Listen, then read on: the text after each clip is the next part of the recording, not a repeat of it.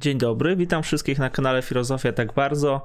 E, dzisiaj kontynuujemy czytania e, Dereza i Guattariego Antyedyp. Ostatnio skończyliśmy na, na ciele bez organów. Nie powiedzieliśmy nic jeszcze z tych rzeczy takich, które mm, pojawiają się w pierwszym rozdziale, to znaczy z takich drugorzędnych powiedzmy, ale one też są bardzo ważne.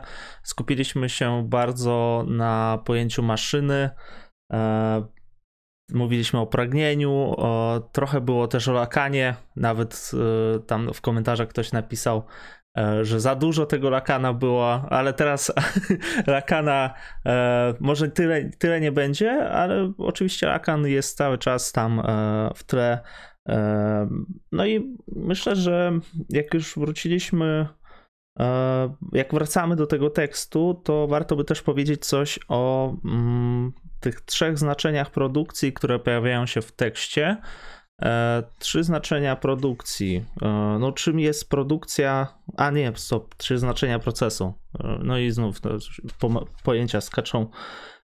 Trzy znaczenia pojęcia właśnie procesu i czym jest ten proces? Może od tego bym zaczął dzisiejsze nasze spotkanie, czytanie. E, no ale oczywiście nam się nie śpieszy, ludzie, ludzie jeszcze muszą dojść. Tutaj 32 osoby, jak na razie widzę. E, no i trochę się zbierają, 35. Dobra, słowem wstępu e, też przedstawiam oczywiście Adam Young, Joanna Bednarek. Jesteśmy dzisiaj z wami, będziemy czytać, omawiać. I jak macie jakieś pytania, proszę zadawać. Dzisiaj e, pewnie nie będzie tyle pytań, dlatego że jest mniej oglądających e, i ja myślę, że e, jakoś nam to może nawet lepiej, że nie jest tyle oglądających. Czasami jest lepiej, dlatego że wtedy mniejszy chaos i ja mogę czas skupić się jakby bardziej na komentarzach. No, dobra. Oddaję głos też tutaj Joannie Bednarek Adamowi, proszę was, jak, nie wiem, co, co myślicie o tym w ogóle? Jasne, mi jest bardzo miło, że możemy po raz trzeci gościć jakby doktor Joanny Bednarek, to, to jest wielka przyjemność. A... No i co, będziemy się powoli przebijać, myślę, przez te pierwsze partie antyedypa w celu wyjaśnienia trudniejszych pojęć. A dla wszystkich, którzy czekali, to dzisiaj chyba duża rzecz, bo, bo będziemy mówić dosyć szczegółowo o ciele bez organów a jest to, zwykle jak się pojawia antyedyp, to ktoś rzuca hasło, no a co to jest to ciało bez organów, a więc, więc dzisiaj e, trochę o tym będzie. Mm, także rozumiem w nawiązaniu do, do, do, do, do innych książek Deleza, do, trochę do, może do logiki sensu, trochę do Tysiąca Plato. Nie jestem do końca pewny, kto, kto przygotował jaką partię. Ja mam przed sobą w każdym razie książkę, o której e, chyba jeszcze tu nie wspominaliśmy, takie mam wrażenie, może na tym pierwszym streamie. Ale e, wydawnictwo Bloomsbury wydało coś takiego, co się nazywa Deleuze Guattari Dictionary, jakby słownik pojęć Deleuze'a i Guattariego. To jest dostępne tylko po angielsku. W mojej opinii dosyć dobrze porządkuje jakby takie zupełnie bazowo właśnie takie główne pojęcia, więc jak kogoś interesuje na przykład czym jest ciało bez organów, czy nie wiem, skłącze, maszyna, czy coś takiego, to można sobie co jakiś czas tam zajrzeć i autorzy przygotowali jakby takie krótkie opisy każdego, no krótkie, krótkie, takie opisy na 3-4 strony każdego z tych pojęć w mojej opinii to dobrze porządkuje, chociaż tutaj rozmawialiśmy wcześniej, Filip zwracał uwagę, że chyba jego zdaniem tak nie do końca. Mm, więc powiedzmy, e, e, rekomendacja ciepła, ale nie super gorąca. I... Tak, dzień dobry piszą. E, dzień dobry. Maszyny się podłączają, by przecinać przepływy, przepływ streamu. Tak jest. E, dobra. Ja zacząłem od tego procesu. Mm, no i teraz samo jakby muszę powiedzieć, czym jest ten proces. więc od razu, od razu patrzę w tekst, e, czym jest ten proces. No, mm, proces. E, teraz Guattari zwracają uwagę na to, że po pierwsze, no, pojawia się takie zdanie: Nie ma człowieka ani natury, istnieje wyłącznie proces. E, więc tutaj no to jest od razu szósta strona e, w antyedypie. Później pojawia się ten proces w trzech znaczeniach e, i ten proces oni, oni będą odnosić do, do tego, co się nazywa u nich produkcją produkcji, albo produkcją też zapisów. To jest jakiś taki proces zamknięty, jak się wydawało. On zamknięty jest w sensie, nie wiem, jakby to tutaj pokazać albo zobrazować powiedzmy, że jest e, produkcja i jest konsumpcja i, na początku. I ta produkcja i konsumpcja dla Teresa Guattariego chyba mm, nie mają jakiejś dużej różnicy, dlatego że produkcja zarazem jest konsumpcją, tak samo jak konsumpcja jest produkcją. Chyba, że ja się mylę, to może mnie ktoś poprawić. E, później następuje zapis i konsumpcja, jak oni pokazują. Czym jest ten zapis? No, mówiliśmy o nim Pojawił się inny jeszcze termin kod. Kod i zapis e, to są. Mm, no nie wiem, czy jest jakaś różnica, natomiast jeżeli chodzi o ten zapis, to, to jest jakaś forma pamięci, forma skodyfikowania pewnych rzeczy.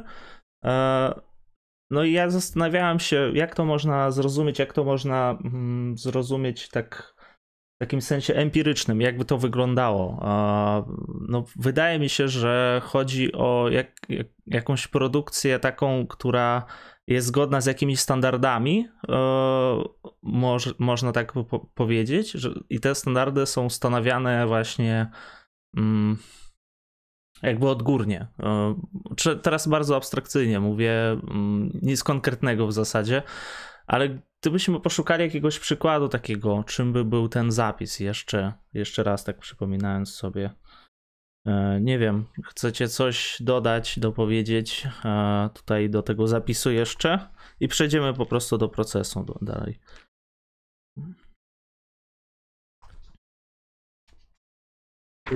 To, co powiedzieliśmy ostatnim razem, wydaje mi się być dobrym tropem. E, o mhm. ile do, dobrze pamiętam, bo teraz nie, nie, chcę odwrócić tych pojęć, ale zapis jest bardziej pierwotny od kodu. Jakby kod pojawia się później, ma już taki charakter językowy, może społeczny. Zapis jest takim mechanizmem jakby ontologicznym na, na niższym poziomie.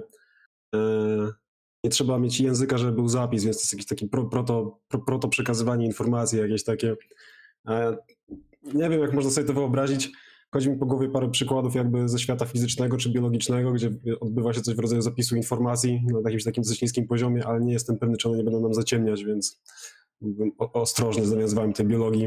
E, no ale w każdym razie zapis wydaje mi się być jakby kodowaniem tylko na niższym poziomie ontologicznym, jakby na mniejszej złożoności jeszcze. Nie, właśnie nie musi być języka, nie musi być społeczeństwa, nie musi być tej maszyny, maszyny, maszyny społecznej. Mhm. Ale ta analogia biologiczna jest bardzo trafna. To, to, to jest bardzo dobry trop, bo, bo jakby to pokazuje, że właśnie nie trzeba ludzkiego języka w znaczeniu e, języka symboli- złożonego ze znaków symbolicznych, gdzie ta relacja między znaczące znaczona jest arbitralna, tylko kiedy pomyślimy o mm, tym, w jaki sposób na przykład ciała różnych zwierząt odzwierciedlają to, jak one się przystosowują do swojego środowiska, to to już jest forma, to można by powiedzieć, że to jest forma zapisu. I w tym sensie yy, no, ca całe życie wysyła, czyta znaki i wysyła znaki w takim bardzo fizycznym sensie. I Eduardo Kohn, który na, nawiązuje yy, między innymi do, do, do Deleza, właśnie przytacza taki przykład pantofelka, który rzęskami odczytuje e, jakby płyn, w którym się znajduje. I to jest bardzo fajny przykład, że, że to w pewnym sensie jest, za, że jego ciało jest, zostało zapisane tymi przekazami ze środowiska. Jest zbudowane tak, a nie inaczej, ma taką, a nie inną strukturę właśnie dlatego, że że, że, że, że ona właśnie, że jego, jego anatomia jest zapisem e, jego współistnienia ze środowiskiem. Mhm. To jest jakiś kod genetyczny, coś takiego też w tym sensie? Mm, kod genetyczny być może, ale też tutaj mówimy o paru poziomach wyżej, bo ta jakby mhm. kod genetyczny też jest jakąś formą zapisu. Ja też myślałem o takich rzeczach, jakby jak się zejdzie trochę niżej z biologią, to sporo sporo rzeczy się dzieje z uwagi na to, że na przykład dwa elementy czy dwa ciała dosyć dobrze dzisiaj pasują tak mechanicznie po prostu, że nie wiem, jedno, jedno dobrze się dopasowuje do drugiego, one się razem łączą, jakby ta materia się samo organizuje, jakby powiedzieli ci nowi materialiści, tak mi się wydaje. Więc te, te typy, no, no, te, typy tego jakiegoś takiego prymitywnego zapisu, jakiejś wymiany informacji w świecie biologicznym są, są częste, nie? Po prostu występują, występują regularnie. No i nie, nie ograniczam tego tylko do DNA, bo to jest takie, no to jest takie najprostsze, jakby to pierwsze, mhm. o którym można pomyśleć, kiedy się myśli o, o, o zapisywaniu w kontekście biologii, a, a kiedy nie mówimy o języku. Ja mam trochę wątpliwości do tego ciała, e, dlatego że wydaje mi się, że właśnie te, te maszyny e, przeciwstawiają się właśnie wszelkim takim porównaniom do ciała. W sensie, e, jeżeli bierzemy jakieś ciało i zaczynamy mówić o różnych ciałach, to znaczy, że musi tam już być jakaś mm, struktura, że ciało podporządkowuje pod siebie wszystkie inne ciało, części i tak dalej. Znaczy na etapie tej, tej pierwszej syntezy, ale nie, nie wiem, czy, czy to jest dobry. E, czy to coś wnosi w sensie takim, że. Nie wiem, czy można jakby porównywać do ciała e, to, co się tworzy z tych maszyn. Wydaje mi się, że to jest chyba trochę tak, że te kategorie ontologiczne one są podstawowe w takim logicznym, strukturalnym sensie, ale to nie znaczy do końca, że one dotyczą tylko tego, co się dzieje na przykład poniżej poziomu ciała jako organizmu. Bo kiedy myślimy o, o schizofrenikach, czy o e, tamtym dziecku, niemowlęciu ssącym pierś, to niby to już są ciała. E, więc wydaje mi się, że to trochę tak jak z monadami Leibnica. Nie, monady to nie są atomy, tak? To jest jakaś kategoria logiczna, która jest podstawowym budulcem ontologicznym świata, ale nie można powiedzieć, że ona jest poniżej jakiegoś poziomu, że e, nie wiem, na przykład człowiek, człowiek jest monadą, w tym sensie, że jego dusza jest monadą, a jednocześnie monada odzwier- każda monada odzwierciedla cały świat w sobie, nie komunikując się z nim. Więc myślę, że nie można czy to nie jest taka kategoria, która mm, jest cegiełką w tym sensie, że z tych cegiełek coś składamy i ta złożona całość już nie jest tym? Bo w uorganizowanych ciałach na różnych poziomach złożoności są maszyny, i ciało też chyba dotyczy, znaczy ono jest pewnym poziomem, organizm jest ciałem, tak? Wiem, państwo w pewnym sensie e, jest, maszyna społeczna jest ciałem, e, ale w niej samej istnieją ciała i istnieją też mniejsze maszyny. Mhm. Y, obie, kategoria obiektów ontologii zorientowanej na obiekty też nie, nie. Y, obiekt nie ma jakiegoś, jakiegoś podstawowego poziomu ontologicznego, na którym istnieją obiekty, a powyżej czy poniżej niego już obiektów nie ma. Tak? Y, człowiek może jest obiektem, nie wiem, drzwi są obiektem i dom, w którym te drzwi są, tak samo jest obiektem. Tak? I, i one są tak samo podstawowe ontologicznie.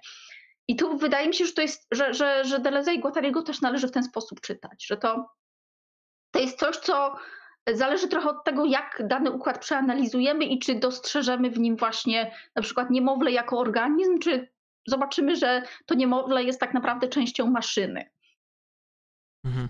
Mm, tak, tak. Ja też dokładnie, kiedy myślałem o Leibnizu, to jest uważam dobry trop, zwłaszcza, że wiadomo, że no, wiadomo, Deleuze dosyć po antydypie napisał książkę o Leibnizu, ale właśnie, zwłaszcza kiedy się weźmie takie trochę dziwne fragmenty Leibnica, kiedy się okazuje, że na przykład człowiek e, jakby składa się z monad po prostu. A z jednej strony każda ta monada, monada jest taka jednostkowa, właśnie dusza jest monadą, nie wiem, Bóg także jest monadą, więc widać na to, że jakieś te, te monady, chociaż są zamkniętymi całościami, też mogą tworzyć jakieś takie większe całości. Jest to poziom organizacji, który tru, trudno jest być może sobie przyswoić. E, o tym, o kategorii przedmiotu z tej ontologii zorientowanej obiektowo nie pomyślałem, ale to jest uważam jeszcze lepsze, bo Maszyny jakby są wszędzie, są na każdym poziomie organizacyjnym. Z jednej strony cały wszechświat jest jakby taką wielką mega maszyną, z drugiej strony jakieś takie małe maszyny jakby tworzą ciała. E, no więc to są, to są pojemne pojęcia, które jakby pracują na różnych poziomach, e, na, na, różnych poziomach ontologicznych. Dobrze, e, to ja bym przeszedł jeszcze do tego procesu. No, pierwsze, pierwsze znaczenie procesu, takie, że proces niesie zapis i konsumpcję mm, i produkcję w produkcji, czyniąc z wielu produkcji ten sam proces. Tak to e, opisują teraz Guattari. Drugie znaczenie o zapisie powiedzieliśmy. Znaczy, ja, oni się, do tego procesu, do tych trzech znaczeń później e, może nie, nie odnoszą się do tego rozróżnienia, natomiast samo słowo pojawia się. W trzecim znaczeniu Aha, stop, stop, stop. Dobrze, jeszcze pierwsze znaczenie, tak. Mm, tak, oni tu, tutaj pojawia się też fragment taki, że w tym pierwszym znaczeniu procesu nie ma e, utrzymywanie rozróżnienia na naturę człowieka, nie ma już sensu. Dobra, to było. Drugie znaczenie procesu. Człowiek i natura nie są przeciwstawnymi. Trzy kropki. Dobra, co ja tutaj zapisałem? Haha. Tam nie wiem, co zapisałem.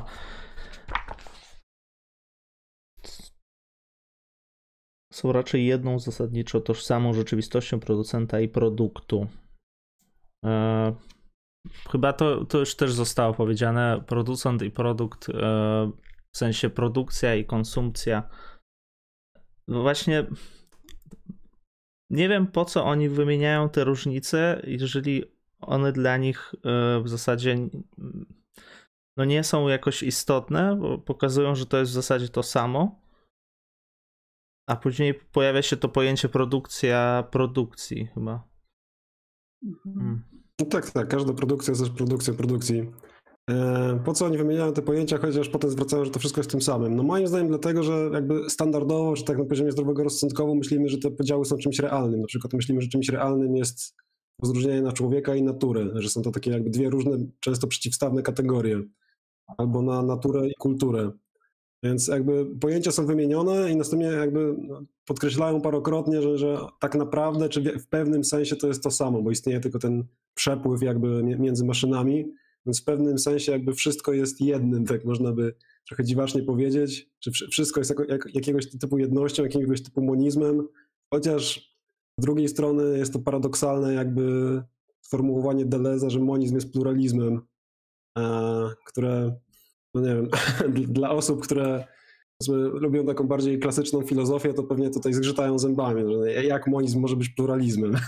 to są, to są dwie, dwie różne koncepcje ontologiczne, a tutaj trzeba jakby o tym myśleć jednocześnie jako o monizmie, że takim immanentyzmie i pluralizmie właśnie wielości tych, wielości tych monad, w ogóle kategorii e, wielości, jako takiej dosyć podstawowej dla tej ontologii, więc E, do pewnego stopnia ona jest taka może mało intuicyjna, czy powstaje jakby jako dyskusja z wcześniejszymi stanowiskami, które się pojawiały w europejskiej ontologii i, i te typowe podziały właśnie na naturę czy kulturę, czy nie wiem, na człowieka i naturę są, są wymienione po to, żeby pokazać, że w pewnym sensie one, one nas oszukują. Myślę, że taki jest ich cel, jakby po to, po to oni je wymieniają. Mhm. O, no tak, i jeszcze myślałem nad e, tym trzecim znaczeniem procesu. Próbuję znaczy, go wyświetlić. Jeśli ja mógłbym coś jeszcze dodać, tak. to może taka z jednej strony taka ciekawostka historyczna.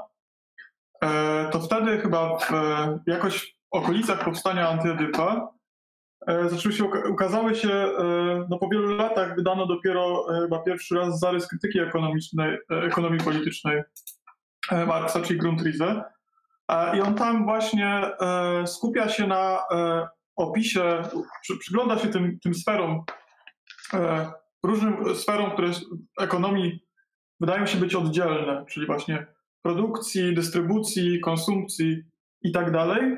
No i to, na co zwraca, próbuję zwrócić tam uwagę, że jakby one są tylko i wyłącznie wtórne. De, de facto ten proces produkcji przechodzi przez nie, przez nie wszystkie i one co prawda istnieją, ale istnieje jakaś tam mediacja pomiędzy nimi, ale no pierwotnie jest proces produkcji. Wydaje mi się, że jakby e, w tym przypadku dalej z Guattari idą jeszcze trochę dalej, ponieważ oni próbują usunąć nawet tą mediację, o której e, mówi Marx. Druga kwestia, która mi się wydaje, że tutaj jest ważna, dlaczego, dlaczego oni w ogóle o tym mówią, dlatego że próbują mówić o pewnym pierwotnym procesie. O e, pewnym procesie no, takim, no, oni, oni nazywają to, to, to procesem schizofrenicznym, czy właśnie tą, tym, w jaki sposób funkcjonuje produkcja, łącząc te maszyny. I zwracają uwagę na to, że to jest takie e, łączenie różnych heterogenicznych elementów. I de facto, patrząc z takiej perspektywy, na przykład, nie wiem, e, z jakiej patrzy na przykład e, Rousseau myśląc o tym, że my w jakiś sposób powinniśmy wrócić do stanu e, naturalnego przed powstaniem e, kultury, czy bardziej stworzyć jakiś odpowiednik tego tutaj bo nie jest to do końca możliwe, to oni mówią, że nie. Jakby u podstaw procesu, jakby podstawowy proces w naturze nie, nie, nie rozróżnia podziału na naturę i kulturę. Tylko z perspektywy kultury my jakby tak retroaktywnie patrzymy na naturę i myślimy, że to jest coś oddzielnego od nas. Natomiast na podstawowym poziomie łączenia się maszyn pragnących e, działa to w ten sposób, że jakby ten proces nie rozróżnia elementów sztucznych od elementów naturalnych. To jest, to wydaje mi się ważne w tym, że oni podkreślają to, że no nie widzą tego tutaj.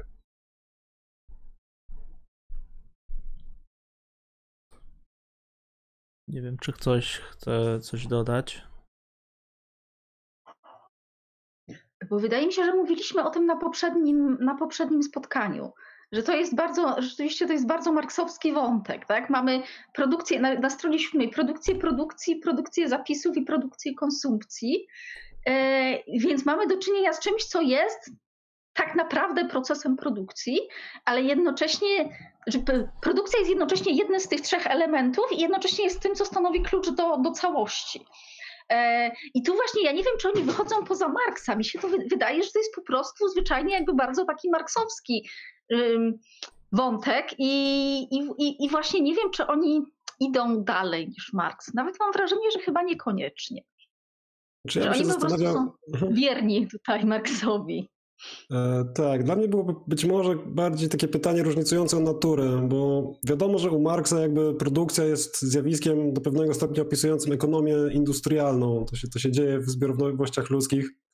E, na ile ta jest ta produkcyjna moc natury, która to jest podkreślona, nie wiem na ile to jest u Marksa. Jakby ko kojarzę, że są jakby prace marksistowskie, które mówią, że u Marksa jest już to i że Marks jest tak naprawdę takim wczesnym, nowym materialistą, można powiedzieć bo jakby u niego te wszystkie wątki są już jakieś takie schowane, ale nie jestem do końca przekonany, jakby na ile, na, na ile to jest faktycznie już u Marksa, czy to nie jest e, takie trochę, że widzimy u niego więcej niż, e, niż tam jest faktycznie, bo już mamy te późniejsze pojęcia, którymi pracujemy. E, tak, tak, no tego, tego nie ma u Marksa, ponieważ on nie, w ogóle nie zdawał sobie sprawy to znaczy, można u niego znaleźć takie uwagi dotyczące, nie wiem, jest dużo wątków ekologicznych i on bardzo jakby był świadomy tego, że najpierw trzeba zawłaszczyć y, i wyeksploatować przyrodę, żeby mógł się zacząć wyzysk ludzi, ale on nie ma dlatego takich osobnych pojęć. Więc w pewnym sensie, że to, to jest i tego nie ma, bo to jest na poziomie takim faktycznym czy narracji historycznych, natomiast nie ma, nie ma, nie ma pojęć, które by pokazywały jakby logikę tego procesu. E, I rzeczywiście, i, tu mam wrażenie, że, że Jason Moore właśnie zrobił coś takiego. Pokazał, że e, jakby oprócz wyzysku jest też zawłaszczenie e, i że, i że to jest jakby coś, co jest osobne, tak? To znaczy nie można, wyzysk ludzi to jest jedna kategoria, a zawłaszczenie które dotyczy i pracy ludzkiej, i pracy nieludzi, bo nie wiem, tak, na przykład tak zwana praca reprodukcyjna wykonywana przez kobiety, no to też ona nie jest zawłaszcz, ona nie jest utowarowiona, tak, a jednocześnie jest zawłaszczana i ona jest niezbędna dla, dla, dla kapitalizmu. No i tak samo praca zwierząt, praca przyrody, e, praca oczywiście nie w sensie najemnym, tak, bo nikt ich nie pyta o zdanie. To jest właśnie to, więc, więc wydaje mi się, że to jest tak, że marksizm jest podatny na te interpretacje i to była bardziej taka luka u Marksa. Yy, I właśnie chyba to, co różni Marksa od Hegla, to jest to, jest to że, yy, no, że te abstrakcje marksowskie, one rzeczywiście mają charakter materialistyczny, bo pozwalają zrozumieć, e, jak to jest z tą produkcją i pozwala, tak naprawdę właśnie pozwalają też e, uwzględnić potem sprawczość e, przyrody i fun- właśnie funkcję zawłaszczania tak zwanej przyrody. E, więc mam poczucie, i, i właśnie mam wrażenie, że Deleuze i Guattari świetnie pokazują te, właśnie tę stronę Marksa, która, która wtedy jeszcze była raczej słabo dostrzegana. E, no i właśnie to, że, że marksizm niekoniecznie jest antropocentryczny tak z istoty, tak? że to było raczej chyba trochę przeoczenie Marksa no bo jest sporo miejsc, w których Marx po prostu nie był tak wnikliwy, jak był w innych miejscach, tak? I to dotyczy feminizmu i praw kobiet, i to dotyczy kwestii zwierząt i tak dalej. No, no ale był człowiekiem XIX wieku, jakby i tak, jak na, jak na tę epokę, to, to, to zrobił bardzo dużo. E. No, e, dobra.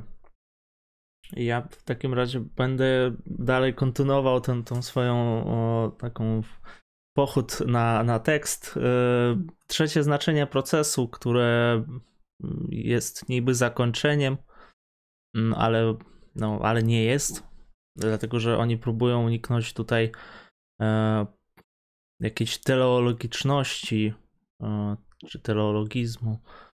Mm, zakończenie procesu lub przedłużanie go w nieskończoność, które ściśle mówiąc skutkuje tym samym, co jego brutalne i przedwczesne wstrzymanie, jest przyczyną wytworzenia się sztucznej schizofrenii, jaką możemy oglądać w szpitalach. Au... Autystyczne ludzkie wraki produkowane jako jednostki chorobowe. E, dobra. Mm, miało być trzecie znaczenie procesu, ale tak dziwnie to opisują, że nawet nie wiem do końca o, o wie, co to znaczy wszystko. Mm. Teraz, ale na której stronie teraz jesteśmy? Już mówię. To jest strona ósma w książce. Okej. Okay. Aha, dobra. E, chyba zły fragment przeczytałem, przepraszam bardzo. W trzecie znaczenie procesu nie należy traktować procesu jako celu czy kresu, ani mylić go z nieskończonym kontynuowaniem samego siebie. Zakończenie procesu lub przedłużanie go, tak, to, to nie, dobrze przeczytałem. Tak. Mm. I na tym się kończą te wymiany, te, te rzeczy. Znaczy, kończą się zdania o procesach, e, o tych trzech znaczeniach i pojawia się nareszcie już e, taka definicja, pierwsza definicja maszyn pragnących. No nie wiem, czy coś chcecie dodać do tych procesów, e, czy będziemy po prostu do nich wracać w miarę tego, jak one będą się pojawiać w samym tekście. Znaczy... Bo ta kwestia celu jest. Okej. Okay. Przepraszam. E, ja może powiem tyle, że jeżeli chodzi właśnie o ten cel, to wydaje mi się, że tak z perspektywy tego samego procesu e, mm, nie można mówić w zasadzie, że on jakby do czegoś zmierza. Jakby powiedzenie do tego, że na przykład, nie wiem, wydaje mi się, że oni trochę próbują uciec od tego, że pragnienie ma jakiś obiekt poniekąd. A druga kwestia to to, że jakby myślenie w kategoriach celu, czy właśnie jakiejś przyczyny, przyczyny celowej, to jest takie pierwsze myślenie po fakcie, po tym jak już coś się wydarzyło, a po drugie, to jest jakby próba zamknięcia tego procesu. Jakoś to jest taki pewien ciągły proces łączenia, tworzenia nowych połączeń między maszynami, tworzenia nowych maszyn pragnących poprzez przepływy, to on jakby działa i robi cały czas jakby to, co robi. Z drugiej strony jakby nie można też myśleć o tym jako e, jakby e, coś, co działa nieustannie, ale tak bardziej ja to rozumiem w taki sposób, że nie można tego jakby zamykać jako coś, co jest co krąży po prostu w miejscu. Tylko jakby no, trzeba pozwolić temu być czym jest w swoim jakby w tym procesie tego stawania się łączenia tych maszyn.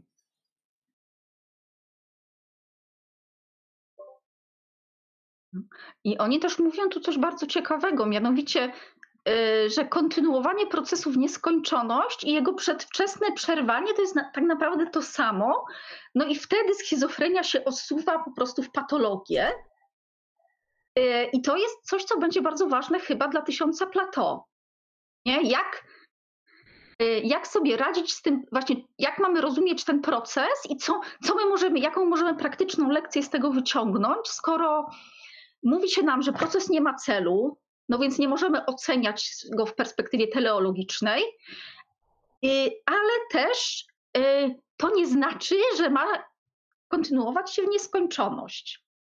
To jest tak naprawdę strasznie trudna rzecz. Co, i, i, i, i później, kiedy, kiedy w, w tysiącu plato będą mówić o o, e, o tym, jak właśnie, jak tworzyć sobie ciało bez organów i jak te wszystkie praktyki stawania się organizować, żeby sobie nie zrobić krzywdy, to chyba kiedy mówią o kontynuowaniu, kiedy mówią o czarnych dziurach na przykład, tak, o zbyt pośpiesznej de deterytorializacji, to chyba to jest trochę to samo, co tutaj e, kontynuowanie procesu w nieskończoność. E, tak, dokładnie poszedł w tym samym tropie, że jakby nieprzerwany proces to byłaby bardziej nie coś pożądanego, ale groźba i to jakby groźba porządku społeczno-ekonomicznego, w którym żyjemy, czyli kapitalizmu. Kapitalizm ma tą tendencję do, tego, do tej deterytorializacji, do przyspieszenia.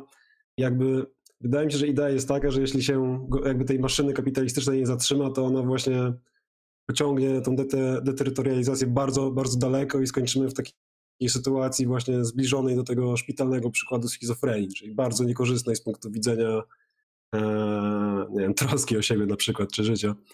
A więc no to, to, jest, to jest dla mnie taki tajemniczy moment, bo czasami się wydaje, że e, no właśnie, kapitalizm sam także będzie tworzył swoje własne reterytorializacje, żeby mieć co pokonywać, więc on także ma jakąś taką tendencję do samoograniczenia, które może potem przezwyciężać w tym ruchu jakiejś samorewolucji. Dla mnie to jest taki dosyć niejednoznaczny moment. Tutaj tak do końca nie wiadomo, jakby co oni nam proponowali. Czy, czy, czy mamy wytworzyć samemu jakąś taką świadomą terytorializację, żeby, żeby bronić jakiejś takiej skromniejszej wersji podmiotowości? Czy właśnie mamy jakby zaakceptować jakąś tą taką szaloną pełnię schizofrenii bez, bez granic, e, która czasami też się pojawia jako taka jakaś quasi, quasi taka trochę dionizyjska jakby pochwała takiego nieskończonego życia. Więc nie wiem, jakby to są, to są fragmenty, które, które dla mnie są dosyć tajemnicze. Mhm. Y, tak, bo trochę nie wiadomo, czego oni, czego oni chcą, tak? Czego oni chcą i czego my według nich mamy chcieć, bo czasem rzeczywiście brzmią, jakbyśmy mieli rozmontować wszystkie te struktury i po prostu kontynuować, kontynuować proces, y, a potem jednak chyba opamiętują się i stwierdzają, że nie, nie, to jednak nie to, tak? No i, to, więc, więc no i tutaj ta interpretacja akceleracjonistyczna, która wciąż y, trochę się nam pojawia, ona rzeczywiście y, uderza mocno w ten punkt, tak? że, że są takie y, fragmenty, gdzie wydaje się, że, że chodzi o kontynuację procesu, a jednocześnie oni gdzieś tam i właśnie w Tysiącu Plato coraz, coraz jakby w większym stopniu niż w Antyedypie podkreślają, że, że nie o to im chodzi, więc oni by jednak chyba nie, nie, nie, nie chcieli być akceleracjonistami. Mhm. No to jest ciekawy wątek. E, myślę, że zapytamy o to akceleracjonistów, a z tego, no, co mi znaczy, wiadomo, to będzie. Ja myślę, że będzie... pewną wariację Dobra. akceleracjonizmu można by wyciągnąć z samego marksizmu do pewnego stopnia. No jakby no, w marksizmie też jest taka idea, dobra, to przyspieszajmy jakby e, tą aporię społeczną, to wtedy jakby te skrajności e, walki klasowej staną się bardziej bardziej jawne, jakby opadnie, jakby, kiedy kapitalizm się stanie bardzo skrajny, to jakby opadną te ideologiczne maski, wszyscy zobaczą, jak, jak bardzo są upodleni czy zniewoleni. Z tego typu, tego typu jakby pewien akceleracjonistyczny pomysł, że należy przyspieszać kapitalizm, żeby coś się wydarzyło społecznie, moim zdaniem dałoby się już pociągnąć z samego marksizmu i, i też na pewno da się pociągnąć z niektórych fragmentów Deleza i Guattariego, bo tu są takie po prostu momenty, gdzie się wydaje, że ten ruch, ten, ten, ten ruch jakby podkręcony, przyspieszony, rozprężający jest, jest właśnie jakimś ideałem, czy, czy, czymś, do czego należy dążyć. To znaczy, u, Marksa jednak jest trochę inaczej, bo to u niego nie jest ideał, tylko on po prostu zakłada, e, że, zyska, że, że w ogóle wykształcenie się klasy robotniczej, zyskanie przez nią świadomości, że to się nie może dokonać bez pewnego poziomu uprzemysłowienia. I w tym sensie, więc właśnie nie wiem, to, to bym jednak trochę broniła Marksa, e, że, że on jednak zakłada, że roz, siły wytwórcze muszą się rozwijać e, i dlatego na przykład nie jest zwolennikiem jakichś takich anarchoprymitywistycznych rozwiązań w stylu małe wspólnoty, oddolnie się tworzące, e, proste życie, tak uprawianie roli. Tak on zakłada, że po prostu to jest przepis, żeby skazać ludzi na biedę i, i nieszczęście.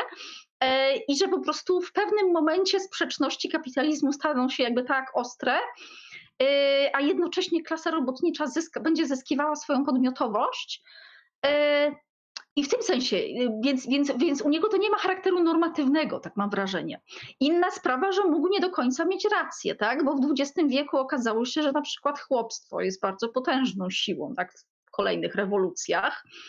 Y, więc, więc ta taka linearna wizja rozwoju sił wytwórczych u Marksa, ona się domagała korekty, bo bo okazało się, że po prostu nie tylko robotnicy przemysłowi, ale też jakby wiele różnych innych kategorii pracowników, którzy byli nie mniej jakby wyzyskiwani przez kapitalizm, y, też y, odgrywała jakby bardzo ważną rolę. Y, ale no akceleracjoniści, oni tak, oni taki w takim no dokonują takiego strasznie dziwnego skrętu, mówiąc, że to jest właśnie dobre i do tego powinniśmy dążyć. I tu mam poczucie, że, że to jest jednak krok, który jest, opiera się owszem i na marksizmie, i na tym, co mówią Deleuze i Guattari w antyedypie, ale to jest taki no, krok, który jednak ich wyróżnia i który jest troszkę niebezpieczny. Hmm. Więc okej. Okay. E, no dobrze, ja tak jak powiedziałem, może ja, ja, to, to zostanie. No, tak, tak. Ja chciałbym poruszyć właśnie jedną kwestię. Znaczy, tak może wydaje mi się, że. Znaczy, możemy też o tym porozmawiać, ale tak chciałbym też być może tak dla porządku, bo e, i, i, dla słuchaczy, bo wydaje mi się, że e, no, ta kategoria akceleracjonizmu jest teraz dosyć taka, dosyć szeroka, bo tych akceleracjonizmów już trochę powstało i rzeczywiście można powiedzieć, że e, w przypadku chociażby akceleracjonizmu prawicowego, to nacisk na, na jakieś przyspieszenie i na to, żebyśmy e, poddali się i zostali zmieleni przez, przez tą maszynkę kapitalizmu, jak przez maszynkę do mięsa, e, rzeczywiście, rzeczywiście coś takiego istnieje. Natomiast wydaje mi się, że na przykład chociażby akceleracjonizm Serniseka i Williamsa w tym przypadku jest dużo bardziej, e, dużo bardziej stawia na to, żeby stworzyć jakieś nowe terytoria. Z jednej strony właśnie myśli o, o, o, o, czy próbuje projektować, w jaki sposób my możemy doprowadzić do tego, żeby usunąć stare terytoria związane na przykład z e, rasizmem, z, z, na przykład z narodem, czy z pozbyciem się e, pracy, ale myśli o, myśl, oni myślą o tym w taki sposób, że powinniśmy ustawić e, jakieś konkretne maszyny społeczne, które doprowadzą do rozpuszczenia się tego, ale tylko po to, żeby eksperymentować z tworzeniem nowych terytoriów, czyli na przykład z tym, w jaki sposób na nowo mogłaby wyglądać rodzina i tak dalej.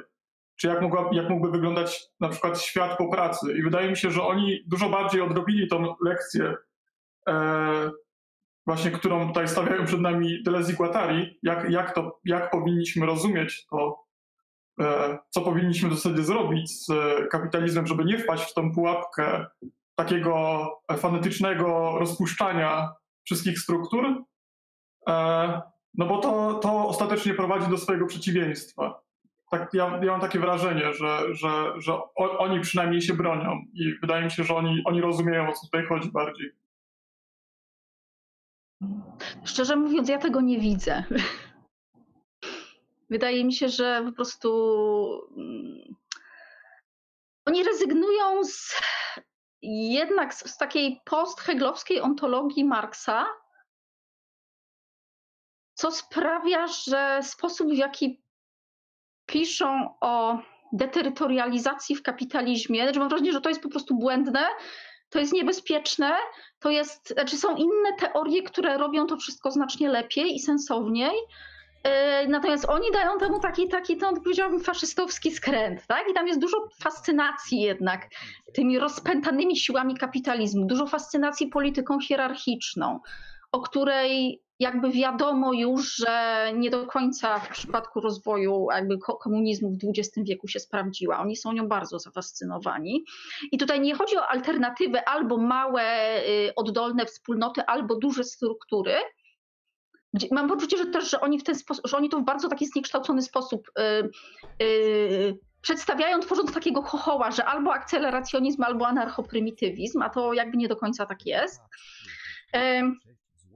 I, e, i, i, I kurczę, mam wrażenie, że jakby ja, ja między tym, między właśnie, nie wiem, nimi a Nickiem Landem, no pewnie jest jakaś różnica, ale mam wrażenie, że ta różnica nie jest jakaś super duża, kiedy się patrzy z perspektywy czy marksistowskiej, czy, czy delezoguatariańskiej. Ja bym tutaj już chciał skończyć ten wątek przynajmniej Aha, do, tego, do tego momentu. E, zaprosiłem akceleracjonistów na stream i możemy im pytania pozadawać później jeszcze, więc o tym będzie osobne w ogóle. Pomyślałem, że najlepiej, e, żeby, żeby też e, tutaj, no, żeby oni sami to przedstawili po prostu, o co w tym wszystkim chodzi. Ja natomiast też nie, no, nie znam wszystkich e, tych nazwisk w ogóle. Jak słyszę akceleracjonizm, to, to mam taką pustkę trochę w głowie. A jeżeli chodzi o te fragmenty, e, to no, ja bym się zatrzymał po prostu na tym, co tutaj jest w tekście i przeszedł do maszyn, do maszyn e, pragnących, które nareszcie już no tutaj powinny po prostu wybrzmieć te fragmenty słynne o tym, że maszyny pragnące są binarnymi, są maszynami binarnymi, podlegają zasadzie binarnej bądź regule asocjacyjnej. E, stale jakaś maszyna podłączona jest do drugiej, synteza wytwórcza, produkcja, produkcja przybiera formę łączącą oraz a następnie E, synteza wytwórcza albo synteza łącząca, albo jeszcze mówi się o, o, tej syntezie jako o konekcji, to by było najlepsze chyba tłumaczenie, ale po polsku to przetłumaczyli jako syntezę łączącą. Ale chodzi o syntezę konektywną, gdyby to, e, żeby to poprawnie jakoś zabrzmiało. No, jak to wygląda? E, przykładem jest e, pierś usta, to jest ten z Melanie Klein wzięte żywcem chyba E, dziecko, które tak e, bierze jakiś przepływ mleka, e, dokonuje cięcia, ale w momencie, gdy pobiera ten przepływ, to jest właśnie jakby no, połączenie, pojawia się tutaj jakaś maszyna, tak? Z tych dwóch maszynek pojawia się trzecia maszynka, o ile dobrze to zrozumiałem. I mniej więcej na tej syntezie, w tej syntezie tak wiele rzeczy się łączy, one się rozpadają na inne maszynki E, I człowiek jest, no właśnie, takim agregatem z maszynek. To już mówiliśmy o tym e, na pierwszym streamie. Mm, co mnie tutaj zastanawia, to jest to, co dalej oni piszą o pragnieniu.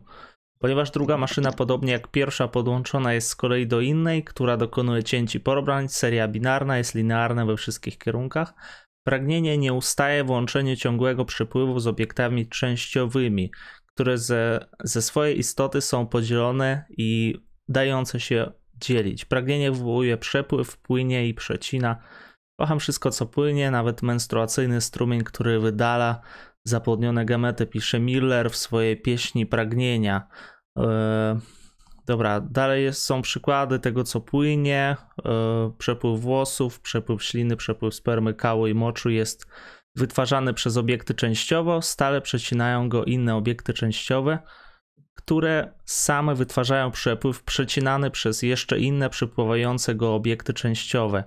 Wszystkie obiekty zakładają ciągłość przepływu. Każdy przepływ fragmentaryzuje obiekty. Bez wątpienia każda maszyna organ interpretuje cały świat zgodnie z własnym przepływem, zgodnie z energią, która z niej wypływa. Oko interpretuje wszystko z perspektywy widzenia, mowy, rozumienia, sranie pieprzenie. Tym razem połączenie z inną e, maszyną jest od zawsze ustanowione poprzez cięcie poprzeczne, w którym jedna maszyna odcina przepływ drugiej lub widzi swój przepływ odcięty przez inną maszynę. Myślę, że warto było przeczytać całość. E, wszystko tutaj jest ważne. E, po pierwsze, no, mamy pokazane przykłady tego przepływu druga rzecz jest no to pragnienie właśnie. E, czym jest to pragnienie i czym jest obiekt, obiekt częściowy? E, oddałbym głos Joannie Bednarek tutaj, dlatego że no kiedyś to pytanie pojawiło się, ale dalej jakby jeżeli chodzi o to pragnienie samo, samo pragnienie, skąd się bierze pragnienie, jak oni to rozumieją, to jest pragnienie od Freuda, o tym chyba mówiliśmy, ale mm, dlaczego jest zawsze jakby jakieś pragnienie? Co jest źródłem może, może pragnienia?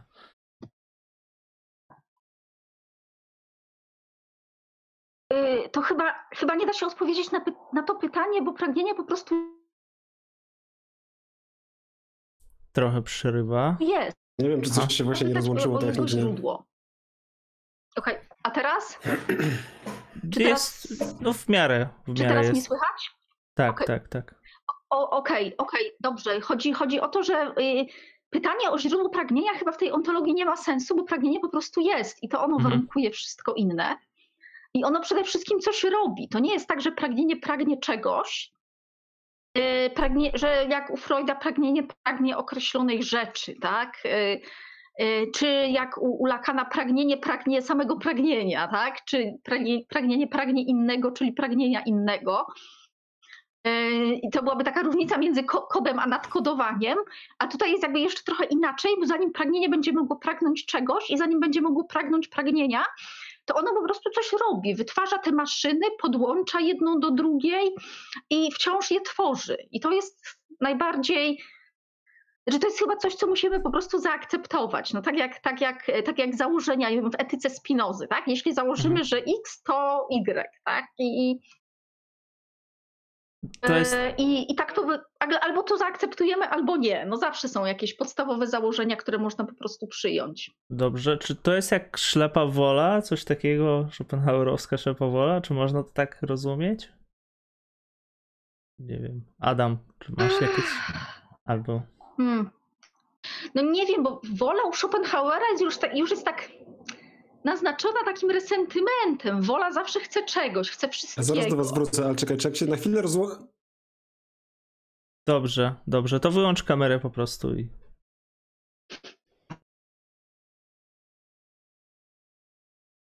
E, ja mam pytanie techniczne, czy jak, bo mi Discord zaczął chwilować, czy jak się na chwilę rozłączę, to to się jakoś mocno zniszczy?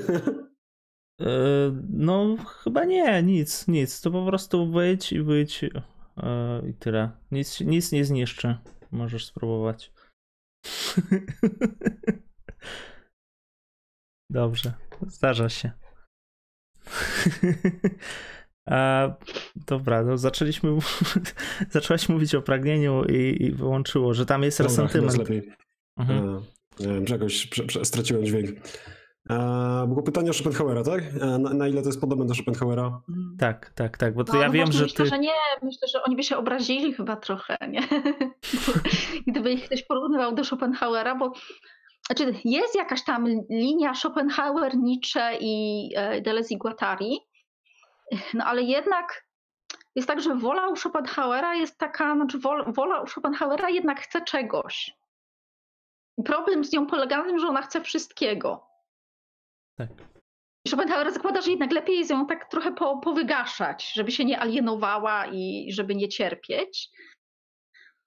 A oni, oni to, podobnie jak Nietzsche, zresztą afirmują. Tak, tak. To jest... Oni mówią, że to jest dobry trop. Mi się wydaje, że jakby, e, no dobra, nie ma, nie ma niczego bez Schopenhauera, ale przejście między Nietzschem a, między Nietzschem a Delezem i Guattarim jest dużo, dużo lepsze, dużo bardziej wyraźne niż przejście między Schopenhauerem a Delezem i Guattarim. Jakby pewne tropy Schopenhauerowskie tutaj zapewne nadal pracują, właśnie w odczytaniu nietzscheańskim. Jakby no ta wola e, przetrwała, tylko została mocno retransformowana. Ale ten trop Schopenhauerowski może być mylący, bo to, bo to brzmi podobnie, ale to jest inny, inny typ myślenia, jest inny ideał. Mimo wszystko u Schopenhauera wola jest właśnie czymś negatywnym, ostatecznie czymś, co prowadzi do, do cierpienia i co można jakby najsensowniej zrobić, wygasić po prostu. I są rozmaite, inspirowane buddyzmem techniki wygaszania woli które obniżają poziom cierpienia. E, u, u, niczego już, już jest ten inny trop, jest to właśnie pozytywne chcenie, właśnie chcenie wzmocnione o test wiecznego powrotu. Deleuze będzie mocno tak akcentował etycznie także w swoim odczytaniu, etycznie i przyrodniczo w książkach o niczym i, i wydaje mi się, że właśnie dzięki, no to jest taka teza chyba z historii filozofii generalnie francuskiej, że jakby dzięki niczemu Deleuze i Guattari e, zreformułowali pragnienie jako coś takiego pozytywnego, że ta pozytywność pragnienia to jest jedna z tych takich kluczowych powiedzmy słów kluczy do zrozumienia tego ich projektu. Nawet do tego stopnia, że to się pojawia jako zarzut, że w tej myśli Deleza i Guattariego, tak czytałem, to jest taki klasyczny zarzut, pragnienie zawsze ma jakiś taki potencjał rewolucyjny i może to jest trochę naiwne, że, że, że można pragnąć, mo, mo, mo, mogą być pragnienia, które prowadzą albo donikąd po prostu, w sensie, że są puste, wcale nie są rewolucyjne, tylko są jakąś taką, nie wiem, pustą konsumpcją, bo mogą być pragnienia, które wprost będą nas odwodziły od tego, powiedzmy, nie wiem, lepszego, lepszego układu politycznego. Hmm. I jak najbardziej, przecież pragnienie faszyzmu jest tak samo. Znaczy to, myślę, że ten zarzut o to, że pragnienie jest zawsze rewolucyjne, on chyba nie jest do końca trafiony, bo przecież cały antyedyp jest y, taką próbą odpowiedzi na pytanie, jak ludzie mogą pragnąć faszyzmu. No i odpowiedź brzmi, że to nie jest jakaś pomyłka, to nie jest pragnienie się nie myli, pragnienie naprawdę pragnie tego, czego pragnie. E, I faszyzm jest czymś tak, tak też z poziomu pragnienia. Czyli tak samo e, podmiot zedypalizowany też, no on jest tym, czym jest, bo kapitalizm go uczynił tym, czym jest, no i też pragnie czego, czego pragnie. I jest trochę tak, że owszem, najbardziej on podstawowym poziomie ontologicznym pragnienie jest siłą wytwórczą, tak, która umożliwia w ogóle wszystko, ale żeby się dokopać do tego poziomu z miejsca, gdzie, te, gdzie jesteśmy, bo my na początku nie jesteśmy naturalnymi podmiotami pragnącymi, yy, tylko jesteśmy na ogół podmiotami zedypalizowanymi, kapitalistycznymi i żeby to odnaleźć, czy nawet nie odnaleźć, tylko wytworzyć, tak? Bo chodzi o to, żeby wytworzyć linię ujścia, tak? Z tego układu, w którym jesteśmy, to trzeba się bardzo dużo napracować, więc sądzę, że oni właśnie nie są takimi rusoistami, że tutaj natura jest dobra, wzorujby się na naturze, bo tej natury nie ma. I, e, i, I do tego, żeby pragnienie mogło stać się rewolucyjne, potrzebne są konkretne praktyki. No i właściwie cały tysiąc plato jest poświęcony tym, tym praktykom. Mm, mamy jeszcze przykłady maszyn, mm, to znaczy przykłady tych połączeń, których tworzą się maszyny. Y, I no, przy, przykładem właśnie te, tutaj oko jest świetnym przykładem, y, które w połączeniu z różnymi rzeczami tworzy jakąś maszynkę. Y, no, możemy takie definicje trochę dziwne podawać, jak wygląda jakaś maszynka oka plus tam ekran plus jeszcze coś tam równa się stream na przykład. Czy i tak dalej. No i idealnym chyba przykładem z okiem jest e, panoptikon e, Foucault, gdzie oko jest po środku umiejscowione i, i obserwuje wszystkie właśnie kamery i no, tutaj trzeba było dodać cele, oko, e, nie wiem, i jeszcze coś może. I to by był właśnie ten panoptikon. Nie wiem, czy ktoś coś chce dodać do tego. Mm, oka? Znaczy, może to ja powiem coś, że mhm. wydaje mi się, że może się mylę, ale takie mam wrażenie, że w tej ich teorii mimo wszystko jakby pragnienie, czy być może już to powiedzieliśmy, ale tak mi się wydaje, że to pragnienie w pierwszej kolejności bardziej jest produkcją niż e, to, o czym zwykle myślimy, gdy myślimy pragnienie. Jest to bardziej jakaś taka mechanistyczna, deterministyczna siła, e, która jest po prostu takim, można powiedzieć, że pewnym instynktem, czy pewnym takim, no właśnie pewną pracą przepływów. To jeszcze nie ma nakierowania na coś, tylko takie tworzenie się różnych organów przez pewną nadmiarowość i przepływ przepływów.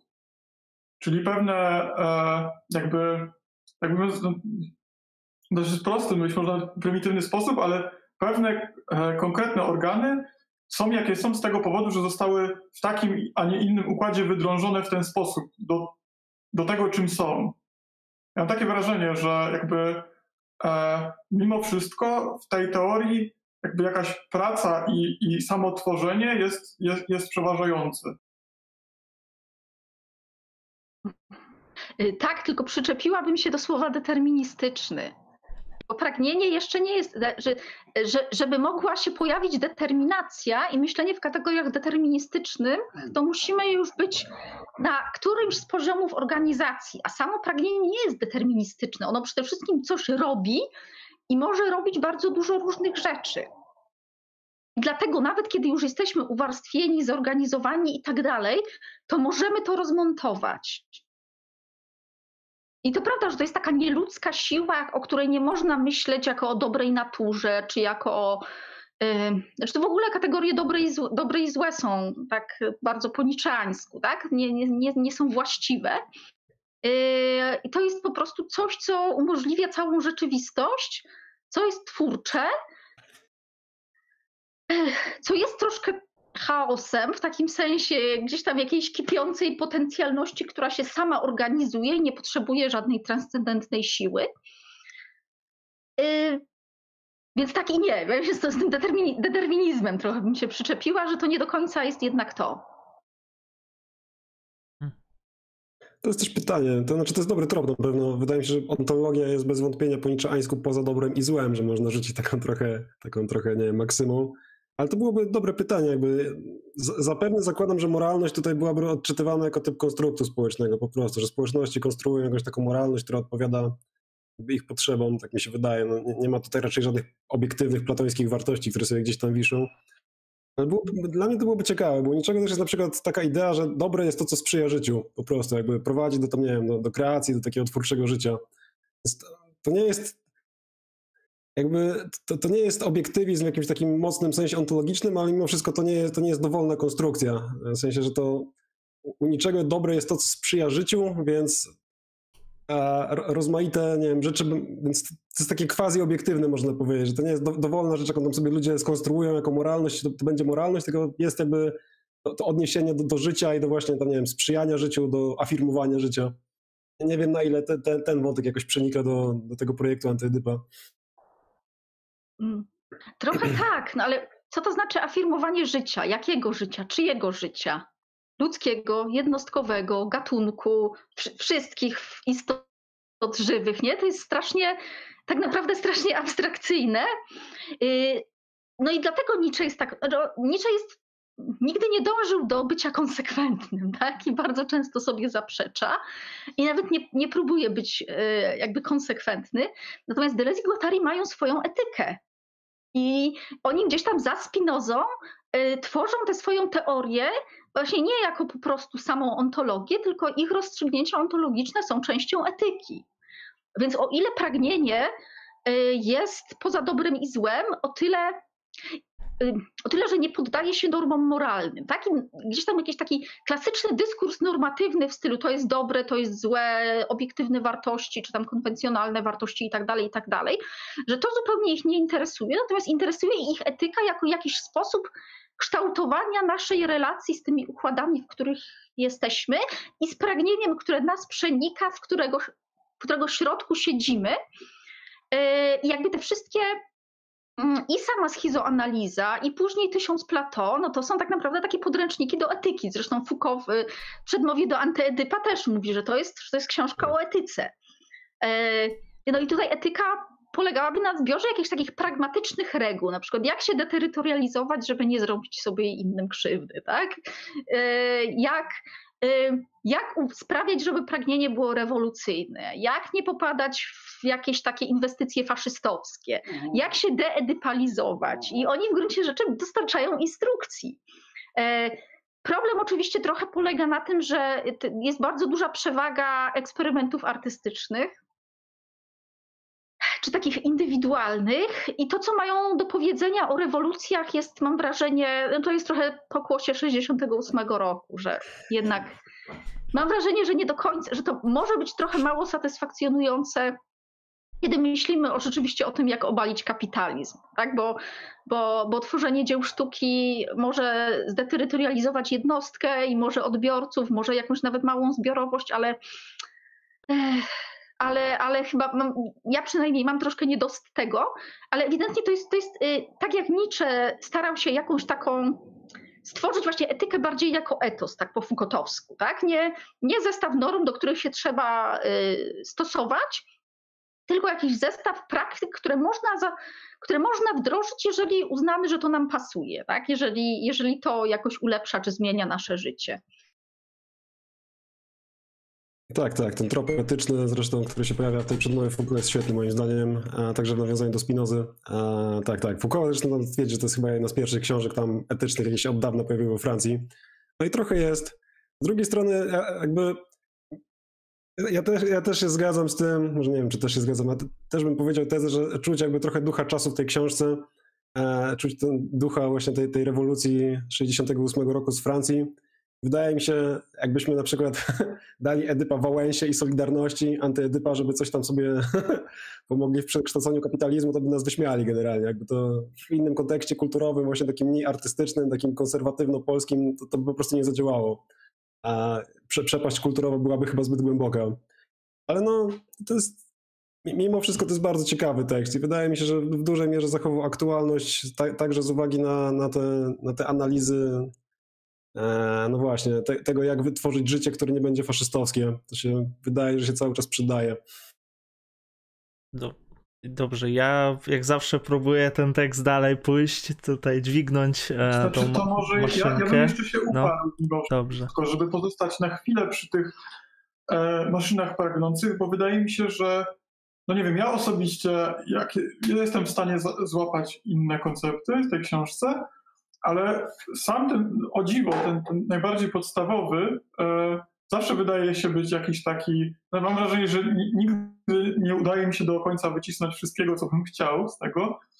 I e, no właśnie tak się zastanawiam nad tym determinizmem, bo e, no jestem w stanie zaakceptować, że, że, że, że może tak nie być, rzeczywiście, że to nie jest do końca deterministyczny proces, ale z drugiej strony też nie mamy tutaj do czynienia z jakąś decyzją.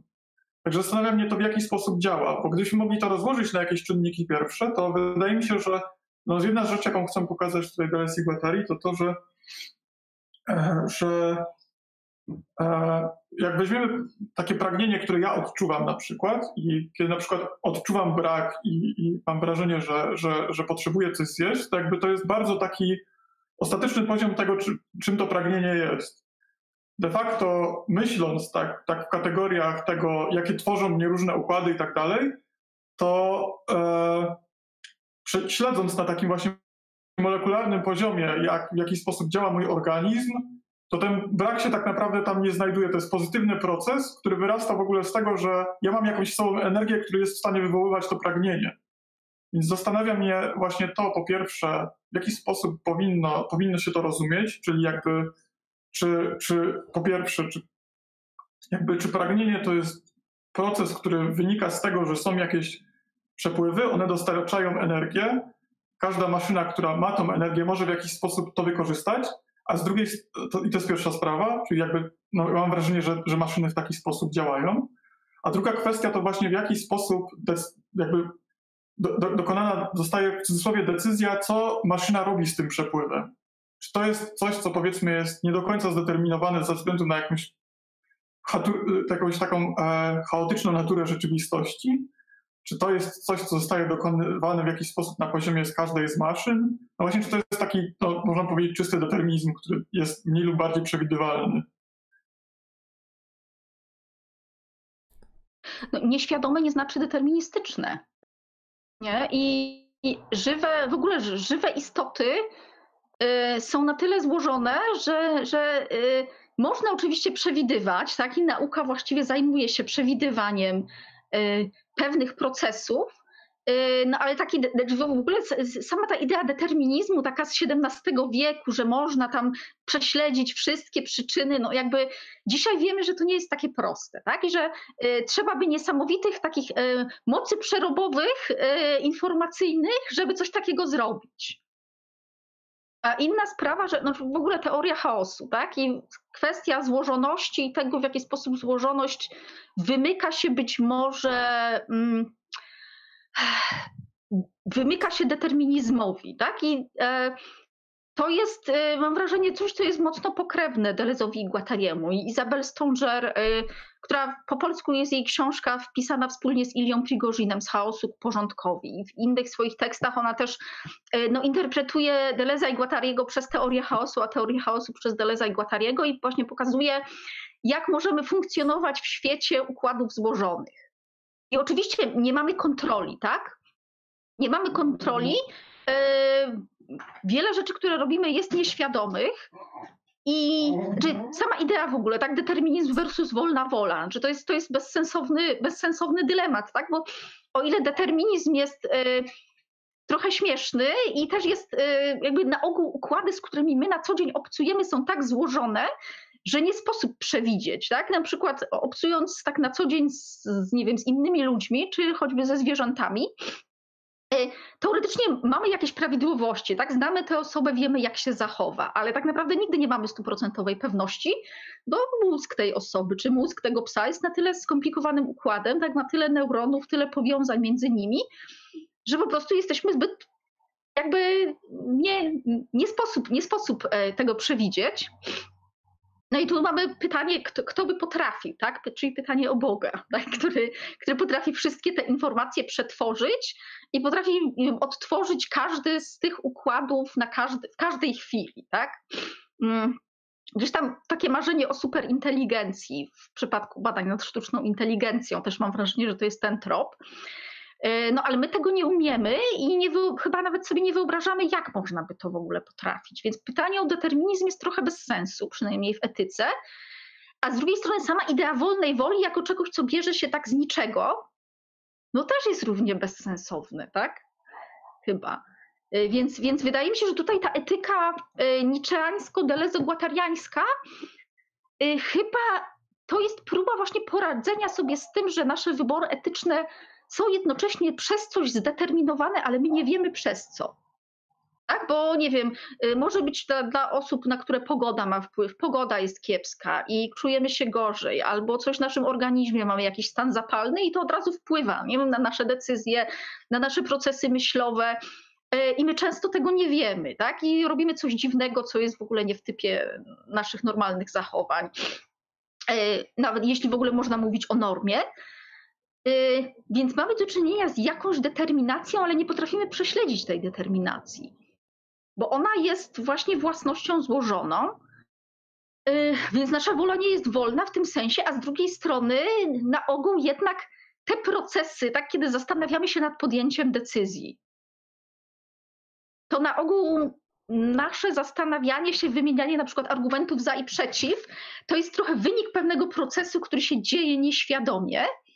Y, I były te takie badania neurologiczne, y, których dowiedziono, że tam decyzja, y, zanim odnotujemy, że podjęliśmy jakąś decyzję, to ta decyzja gdzieś tam jest w mózgu na kilka, ile, ileś tam sekund przedtem. Y, y, ona, ona już zapada, więc w pewnym sensie to, co się dzieje, te decyzje, one są nieświadome, ale to nie znaczy, że są zdeterminowane w jakimś prostym sensie. I to nie jest tak, że ta determinacja ma jakieś konsekwencje etyczne.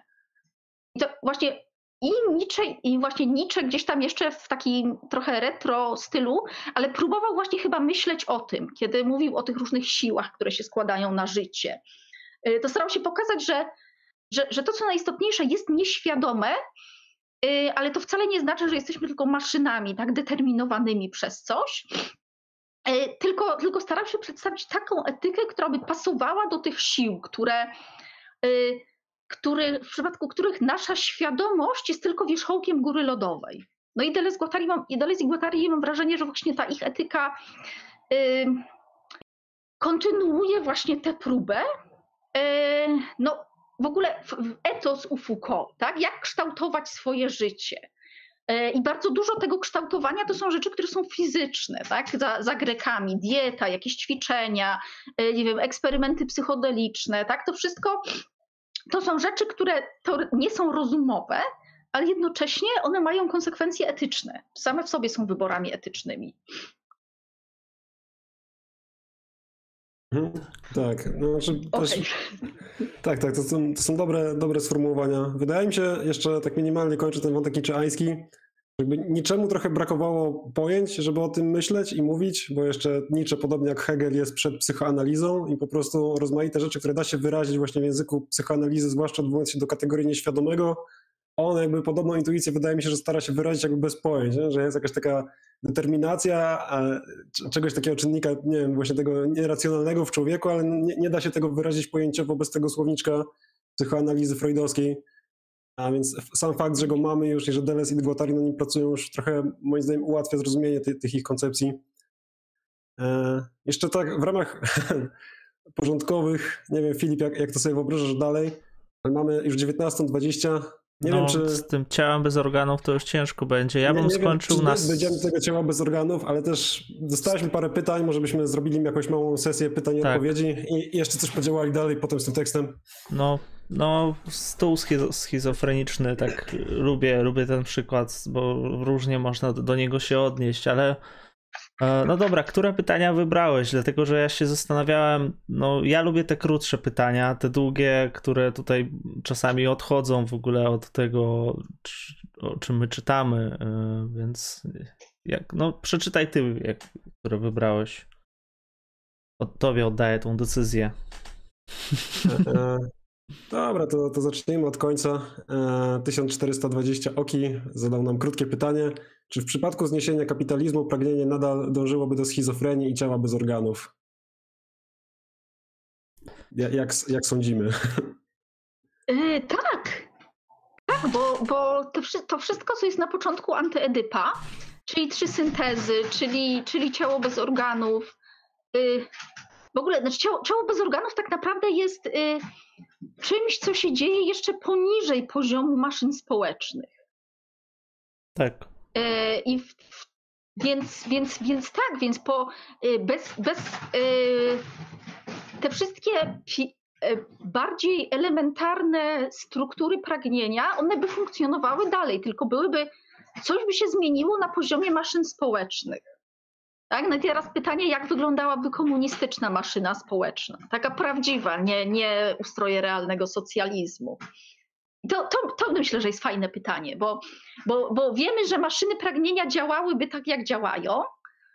Yy, I też istniałoby wyparcie pierwotne, które jest właśnie czymś, to nie jest, yy, yy, to nie jest coś, co jest tożsame z represją społeczną, jest trochę tak, że pragnienie w taki oddolny sposób trochę samo się alienuje, żeby mogło się zorganizować, ale to nie jest to samo, co. I tu myślę, że to jest ważne jednak e, e, w porównaniu z, e, nie wiem, z wizją lakanowską, zgodnie z którą znaczące zawsze alienuje pragnienie i można tam potem bardzo się starając wyjść poza to, ale właściwie tak nie do, tak, tak nie do końca. Tak? Tutaj mamy w przypadku drugiej, drugiej syntezy i potem, i potem trzeciej syntezy antyprodukcję, popęd śmierci, jakąś negatywność, zatrzymanie, które jest jakby nieodłączne od pragnienia, to znaczy produkcja sobie nie radzi bez antyprodukcji, ona wytwarza antyprodukcję jako jeden ze swoich momentów, co jest tak naprawdę bardzo dialektyczne. Tak? Sama, sama produkcja Y, gdyby była czysto pozytywna, nie mogłaby istnieć. Y, więc tak, więc i, i w komunizmie pewnie byłoby tak samo. Tylko tak samo, a jednocześnie nie tak samo, bo, bo maszyna społeczna byłaby inna. I to jest w sumie mhm. ciekawe bardzo pytanie, jak, jak wyglądałaby maszyna społeczna komunistyczna? Jakby sobie właśnie poradziła z takim uorganizowaniem maszyn pragnących na, na wyższym poziomie? Z tego co zrozumiałem też, e, że antyprodukcja właśnie to jest to, z czego się wytwarza e, ciało Socius, czyli później w zasadzie te maszyny, które są największymi maszynami, tam terytorialna, despotyczna i ta kapitalistyczna ostatnia. E, więc to jest dobrze wszystko połączone, przynajmniej jeden trop jest bardzo, bardzo jasny. A Adam, czy chcesz jeszcze jakieś pytania przeczytać? Mogę przeczytać ten długi komentarz od Wiaczesława. Kiryło, tak.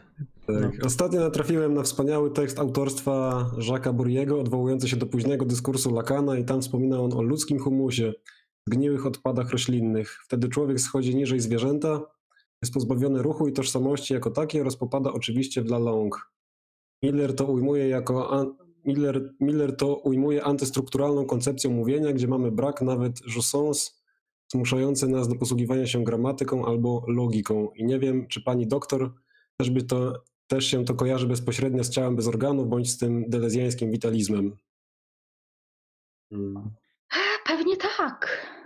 Pewnie tak. Znaczy, jakby wieloma tymi lakanowskimi pojęciami jest tak, że widać, że oni do nich bezpośrednio nawiązują, Y, ale jednak ujmują je przy zupełnie innych założeniach ontologicznych i to, co jest w dyskursie lakanowskim jednak jakimś przypadkiem granicznym, czy czymś no, y, u późnego Lakana widać, że rzeczywiście on próbuje wyjść poza tę strukturalną e, tego strukturalnego ojca znaczącej, stara się tak w seminarium 20, nie wiem, opisać tę rozkosz kobiecą jako coś, co no nie ma nic tak naprawdę poza funkcją falliczną, ale jakimś cudem rozkosz kobieca, czy w ogóle kobieca pozycja podmiotowa polega na wymykaniu się funkcji fallicznej. E, no i gdzieś tam współcześni lakaniści często uważają, że to jest takie niesamowicie rewolucyjne. To nie jest do końca prawdą, bo to jest tak, że najpierw zbudowaliśmy strasznie opresyjną strukturę, a potem próbujemy jakoś się kosztem ogromnego wysiłku z niej wydostać. Najbardziej ekonomicznie byłoby po prostu stworzyć inną ontologię, pokazującą, że ta funkcja faliczna nie jest wcale taka wszechmocna, jak jakby się wydawało. I co właśnie Deleuze i Guattari robią, ale, ale sądzę, że tak, że gdyby właśnie pogrzebać y, w tekstach lakanowskich, to bardzo dużo by się znalazło takich paralel, gdzie widać, że oni nawiązują do tego, że oni wychodzą z tego gruntu, a jednocześnie jakby idą krok, jednak krok dalej. Ale to bardzo ciekawe, bardzo ciekawa, bardzo ciekawa uwaga. Adam? Eee, no dobra, czy ciało bez organów to trochę jak stream bez uczestników? Radek Gładkiewicz zadał takie proste pytanie. Nie. Y, tak. tak? Tak, ciało bez organów by pewnie chciało być takim streamem, gdzie nic się nie dzieje, nikogo nie ma. Aha. A jednocześnie ciało bez organów przyciąga organy. To jest taka bardzo paradoksalna kategoria. Ciało bez organów nie chce się rozwinąć w organizm, a jednak chcąc, nie chcąc, te organy przyciąga zawsze. Tak. Idąc tą metaforą, można sobie wyobrazić, że to jest powiedzmy stream, na którego osoba, która prowadzi tak naprawdę nie chce mieć żadnych uczestników, ale robi coś powiedzmy ciekawego, więc cały czas coś losowi ludzie wpadają mu tam przeszkadzają, nie wiem, zadają mu głupie pytania, które go rozpraszają, czy, czy, czy coś tego rodzaju. Ta osoba, ta osoba powiedzmy cały czas dąży do ich wywalenia, nie wiem, banuje ich, ale, ale cały czas przychodzą nowi, bo tam, nie wiem, linki do tego streamu są udostępniane na Facebooku, czy coś takiego. To ja za kilka lat. Ja bym powiedział nawet, że tak, że, że oni są banowani i wchodzą z multikont, cały czas się zmieniają. tak, tak. Nie da się ich zatrzymać po prostu. No tak. E, no nie wiem, ile jeszcze dzisiaj zdążymy e, powiedzieć. Podoba mi się ten e, fragment o, o stole schizofrenicznym, tam gdzie pojawia się ten stół i to jest od razu takie odwołanie się do tych rysunków schizofreników, które są przepełnione, jak oni mówią, albo pełne po prostu. Kiedyś miałem taką interpretację, a teraz coraz bardziej zaczynam w nią wątpić, że ten stół pokazuje właśnie, jak wygląda synteza konektywna, czyli ta łącząca, wytwórcza, która e, powiedzmy nie, nie ma jakby cięć w sobie, nie, nie następuje ta dysjunktywna następna synteza, więc e, stół, który jest na, na początku stołem, czy tam brat, zatraca swoją swój kształt i staje się czymś takim właśnie ogromnym, e, monstrualnym takim stołem, e, że w końcu nie da się go rozpoznać, a schizofrenik jakby znajduje się w tej pierwszej syntezie. Nie wiem, czy to jest dobra interpretacja, czy można lepiej w ogóle ten fragment przeczytać cały, żeby zrozumieć, co oni tutaj mówią. Ja tylko tak mi się przypomniało, o, o co by mogło tutaj chodzić ewentualnie, aczkolwiek no e, może lepiej faktycznie. Ja to, tak, ja, tak, ja to tak. mogę trochę pociągnąć, bo wydaje mhm. mi się, że no, trochę, trochę, trochę mam jakąś intuicję, o co może chodzić. No mi się wydaje, że, że, że poniekąd jest tak, jak mówisz, albo jest tak, jak mówisz, z tego względu, że ten stół ma obrazować to, w jaki sposób działa, działa ten proces produkcji. I to nie jest stół, który jest po prostu stołem, jako obiektem, tylko to jest stół, który jest procesem. Jest no, stołem, który, można powiedzieć, że, stołem, który stołuje. Tak samo jak schizofrenik nie jest jakby w, po prostu schizofrenikiem według nich, tylko on się znajduje w tym procesie, w tym procesie schizofrenizującym. I w tym sensie jakby e, mm, widzimy, jak, jakby ten stół, sto, jakby on cały czas przez procesie swojego trwania się zmienia, bo on jest taką procesem, jakby taką rzeką. I mhm. tam dokonują się e, różne e, połączenia w środku, w tym stole, i on przechodzi taką tra transformację, aż dochodzi do takiego momentu, gdzie on jakby już nie przypomina w ogóle stołu i staje się jakby takim, takim może być amalgamatem, czy jakąś taką bryłą, która już przestaje być w ogóle czymś, co no właśnie przypomina stół, za co można się jakoś zabrać, tak jakby powoli zwalniał i, i stawał się czymś takim już, co produkować wręcz nie może. I to jest ciekawe przejście właśnie, już tutaj już, już zaczyna pojawiać się, wychylać się przed nami to ciało bez organu. Jakby proces produkcji w pewnym momencie przez to, że jakby już nie ma jak, co dalej produkować, nie ma jak tworzyć połączeń, jakby zatrzymuje się, staje się właśnie taki, taki, taki przepełniony. Ja, ja to no, widzę coś takiego tutaj że rzeczywiście tutaj działa ta pierwsza synteza i ona działa aż, aż, aż do końca, można tak powiedzieć. Do, do tego aż, aż się zatrzymuje. No, oni też podkreślają, że ten stół nie jest funkcjonalny, także on nie służy y, temu, do czego służą normalne stoły. I to jest, y, to też pokazuje, bo tutaj można pomyśleć o, o Heideggerowskim ujęciu narzędzia, tak? Narzędzia, które e, sprawia, że człowiek się może odnosić do świata. I kiedy analizujemy narzędzie, to ono nam coś mówi o człowieku. Ono tak. kształtuje człowieka, wpływa na człowieka, ale ono jest od początku już zhumanizowane. Mhm. I, I tu mam wrażenie, jak ten stół, ten blat się kurczy. Swoją drogą szkoda, że oni nie zamieścili tego rysunku, bo chociaż obawiam się, że może on po prostu, oni wczytali za dużo i może by nas rozczarował, ale wielka szkoda, że, że, że, że, nie ma go w książce, ale że ten, ten blat znika, tak? I ten stół przestaje być stołem, yy, przestaje być czymś, co służy ludziom, przestaje być czymś, co uczłowiecza człowieka, tylko raczej tego człowieka od człowiecza.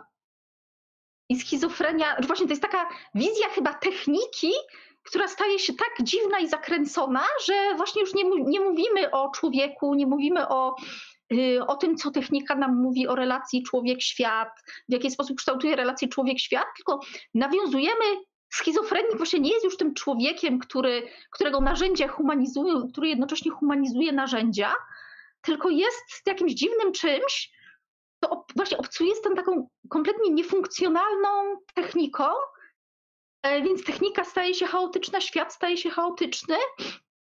No i teraz pytanie, no nie można tak naprawdę w takim świecie pewnie żyć. I to chyba też nie jest do końca cel, tak? Że mamy żyć w takim świecie stołów bez, bez blatów, stołów, których podstawa zjadła blat, y, ale to jest jakaś perspektywa pokazująca, czym tak naprawdę są siły, z których jesteśmy złożeni. Hmm też ciekawy wątek może być taki antyplatoński, że powiedzmy jest stół platoński, który jest idealny, jest wzorcem, jest złożony z, właśnie z różnych idei e, i tak po drezjańsku można by było powiedzieć, że to jest zły kompozyt, czy nie wiem, czy dobrze to, czy tak samo po polsku mówi się kompozyt, bo ja to po rosyjsku czytałem, że to można przeciwstawiać te dwa stoły i jakby oni pokazują tutaj jakąś alternatywę wobec tego, jak zazwyczaj się myśli o takim dobrym stole. Natomiast ten stół, który oni pokazują, ma być, e, no właśnie, tą siłą pierwszą, jakąś taką bez e, dysjunkcji. Bez tego procesu, który by nam coś e, no, umożliwiał jakieś funkcjonowanie, bez, bez dodatkowych maszyn, może, które, które by mogły się zahaczyć na tym stole. Aczkolwiek no nie chcę tutaj za daleko jakoś iść w swoich rozważaniach, e, żeby nie wykroczyć poza, poza tekst, bo później się okaże, że znów coś innego chcieli powiedzieć dalej. Dobrze. E, nie, mhm. nie, do końca uchwyciłem ten wątek platoński, e, więc tutaj, to, tutaj, tutaj byłem wstrzemięźliwy. Też nie wiem, czy Platon. Nie sądzę, że Platon był na tyle naiwny, żeby sądzić, że istnieje jakaś idea stołu. mi się wydaje. A, ale dobra, mniejsza z tym. To jest, no, to jest, to jest tekst literacki, z którym, który oni tak dosyć dobrze cytują. I zresztą sporo tych przykładów, jakby to są fragmenty twórczości literackiej opisującej albo schizofreników, albo, albo tworzone, jakby sztuka tworzona prze, przez tych ludzi. No, no i to jest interesujące, bo właśnie naprowadza nas to, myślę, na to, na to ciało bez organów, które wejdzie w pełni w tym, w tym kolejnym podrozdziale. Na pewno jest to stół niefunkcjonalny i tutaj też to odniesienie do Heideggera jest, jest myślę ciekawe, bo, bo w tym takim świecie schizofrenika raczej człowiek nie, nie mógłby się poczuć jak w domu. Nie, to, nie, to nie jest dom bycia taki przyjemny i łatwy do zamieszkania. On jest w jakimś takim sensie nieludzki, tak mi się wydaje. W każdym razie staje się nieludzki przez, ten, przez tą jakby nie, niekończącą się generację, to ciąg, ciągłą jakąś taką produkcję a, która, która na jakimś etapie właśnie staje się chyba już, że, że jest za dużo po prostu. Tak. E, po stole, fragmenty, które tutaj są po stole, też są ciekawe. A, no, pojawia się tak, schizofrenik jest wytwórcą uniwersalnym, może przeczytam to. Ma potrzeby, aby w tym przypadku odróżniać produkcję od jej produktu. Niemniej jednak wytworzony obiekt przenosi swoje tutaj do nowej formy produkcji. Stół nie przestaje zajmować się swoimi sprawami. Brat zostaje zjedzony dobrze, tak, tak, tak. Levi-Strauss definiuje brikolaż, przedstawia zbiór, zbiór ściśle ze sobą związanych cech, posiadanie zapasów oraz złożonego, niejednolitego, a zarazem ograniczonego kodu. Ponad, ponadto zdolność do wprowadzenia fragmentów w nieustanny stan nowej fragmentaryzacji. Wynika stąd pewna obojętność na produkcję i produkt, na zbiór narzędzi do wytwarzania i na wykonywaną całość. kiedy bricoler podłącza coś e, do przewodu elektrycznego lub zmienia bieg rzeki, e, doznawana przez niego satysfakcja nie daje się wyjaśnić e, grą w tatę i mamę, czy przyjemnością czerpaną z transgresji. Charakter maszyn pragnących bądź pierwotnej produkcji oddaje reguła stałej produkcji produkcji oraz przeszczepienia produkcji na produkt oraz e, Richarda Lindera Boys Machine ukazuje potężne tłuste dziecko przy obsłudze jednej ze, ze swoich e, ze swoich małych maszyn pragnących do, podczepionej, e, podczepionej do większej społeczno-technicznej maszyny, co dzieci, jak wkrótce zobaczymy, rzeczywiście dotyczy. No jest ten, ten rysunek z początku pokazuję tak, tak, tutaj na streamie. Proszę po raz pierwszy do tego obrazka, który zaczyna tą książkę. Nie? Na samym początku tak. właśnie jest ten obraz Roberta Lindera, Boy with the Machine. E, mhm. To jest pierwsza, pierwsza strona chyba typowego wydania. Tak. E, no mamy dziecko, które jest podłączone do iPhone'a. Prościej mówiąc. E, I w jakiś sposób funkcjonuje w ten sposób. Co tutaj można jeszcze powiedzieć o tym wszystkim, co się tu dzieje? Hmm. Hmm. No jeszcze ważne jest chyba to, że, mm, że maszyny są niejednorodne. One przecinają różne wymiary. Mm, I te, ten wątek brikolażu chyba odnosi się właśnie do tego, że że składamy, składamy, majsterkujemy całość, dysponując jakimiś narzędziami, jakimiś materiałami, które niby się ze sobą nie zgadzają, niby są z różnych porządków rzeczywistości, a my jednak coś robimy z nich coś, co jakoś tam działa. Niedoskonale, bo, bo się cały czas psuje, ale właśnie maszyny, potem się pojawia taka teza, że, że maszyny e, działają tylko wtedy, kiedy się psują. Tak? I tutaj chodzi o to, że, że maszyna właśnie nie jest, nigdy nie jest idealna, no jest zawsze poskładana z jakichś dziwnych części, które nie powinny do siebie pasować i nie pasują, ale jednak działają. Może jeszcze tak na wyjaśnienia. Ciągle powinienem sprawdzić dokładnie o co chodzi z tym koncepcją brikolażu u Lewi-Straussa. Ale na szczęście w angielskim wydaniu Antyedypa jest przypis numer 17, gdzie, oni, gdzie, gdzie, gdzie tłumacz cytuje tego Lewi-Straussa, więc mogę tutaj przeczytać fragment, to sobie na szybko, nie wiem, uda nam się naszym, naszym, naszym słuchaczom przybliżyć o co tu chodzi. Więc e, jest adeptem wykonywania dużej liczby zróżnicowanych czynności, ale w przeciwieństwie do inżyniera nie, pod, nie podporządkowuje tych czynności dostępności materi e, surowych materiałów i narzędzi, e, które mają posłużyć w wykonaniu jakiegoś ostatecznego projektu. E, uniwersum jakby twórczości bricolera jest zamknięte, a reguły gry to zawsze jest działanie z tym, co ma się pod ręką. Zawsze korzystanie z materiałów i narzędzi, które są ograniczone, i heterogeniczne, bo nie mają jakiegoś tam bezpośredniego związku z aktualnym projektem. E, tak, tak to brzmi w takim tłumaczeniu na żywo z angielskiego, więc pewnie dokonałem tutaj dwie pomyłki. No, to samo skrócie... jest na Wikipedii generalnie, tak? tylko. no. Dobrze to jest tam wyjaśnione.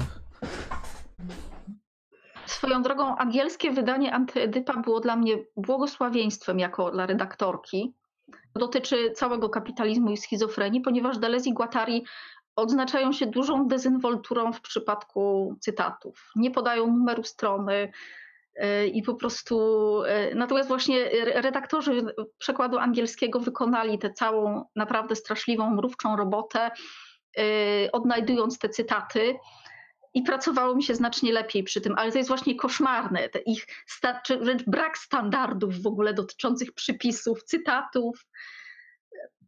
Ale to taka, że taka może uwaga od kuchni, tak? że to mhm. jest naprawdę, naprawdę koszmar, to w jaki sposób oni podchodzą do, do cytowania innych prac.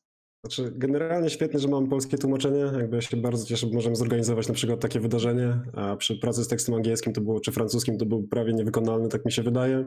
Niemniej mam wrażenie też trochę z uwagi na samą jakby strukturę języka angielskiego, ten tekst jest inny i momentami wydaje się jaśniejszy. Ja nie, ja nie wiem do końca z czego to wynika, może z tego, że polski ma jakąś taką w, w, polski jest taki trochę bardziej powiedzmy barokowy, nie wiem, takie czasami mam wrażenie. Jest, jest dużo takich przymiotników, które wchodzą nie wiem, w różne miejsca w zdaniu Często miałem tak, że jak czytałem tekst polski, to w takich zwłaszcza bardziej trudnych fragmentach to nie byłem do końca pewny, a potem czytałem ten tekst angielski i, i jakoś nabierałem, e, nabierałem zrozumienia, chociaż to też może być też tak, że nie wiem, ma się dwa, ma się dwa tłumaczenia, to łatwiej złapać oryginał prawdopodobnie.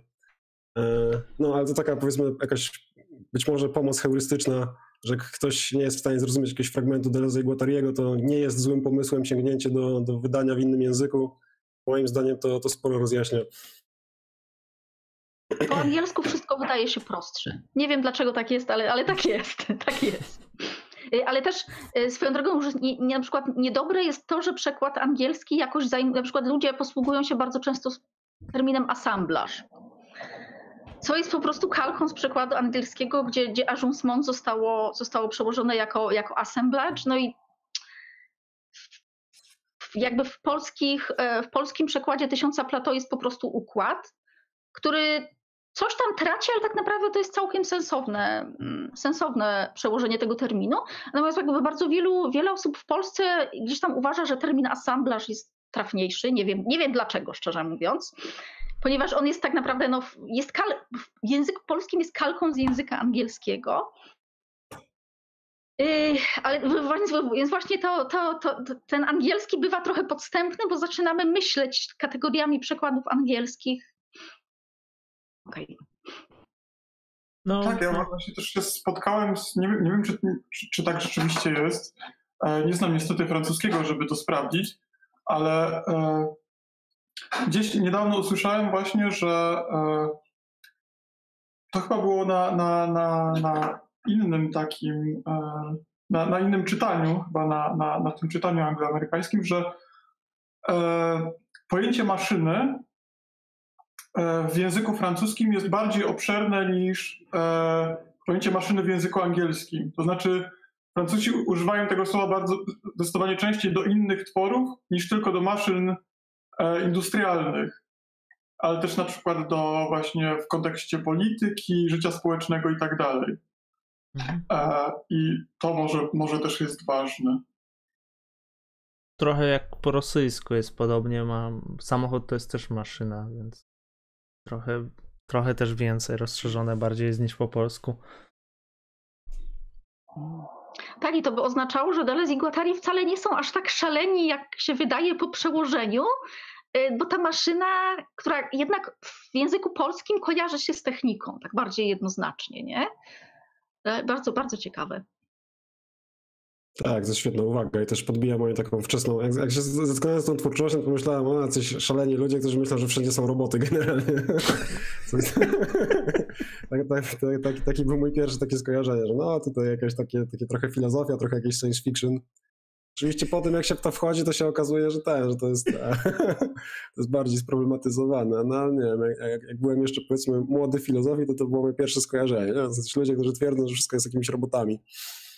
No i też trzeba cały czas trzymać w głowie to, że to jest poziom molekularny, a jest ten poziom molarny, czyli inaczej mówiąc, to jest taki poziom jakby ontologiczny, a poziom molarny to jest poziom społeczny, czy poziom, poziom socjologii, można tak powiedzieć.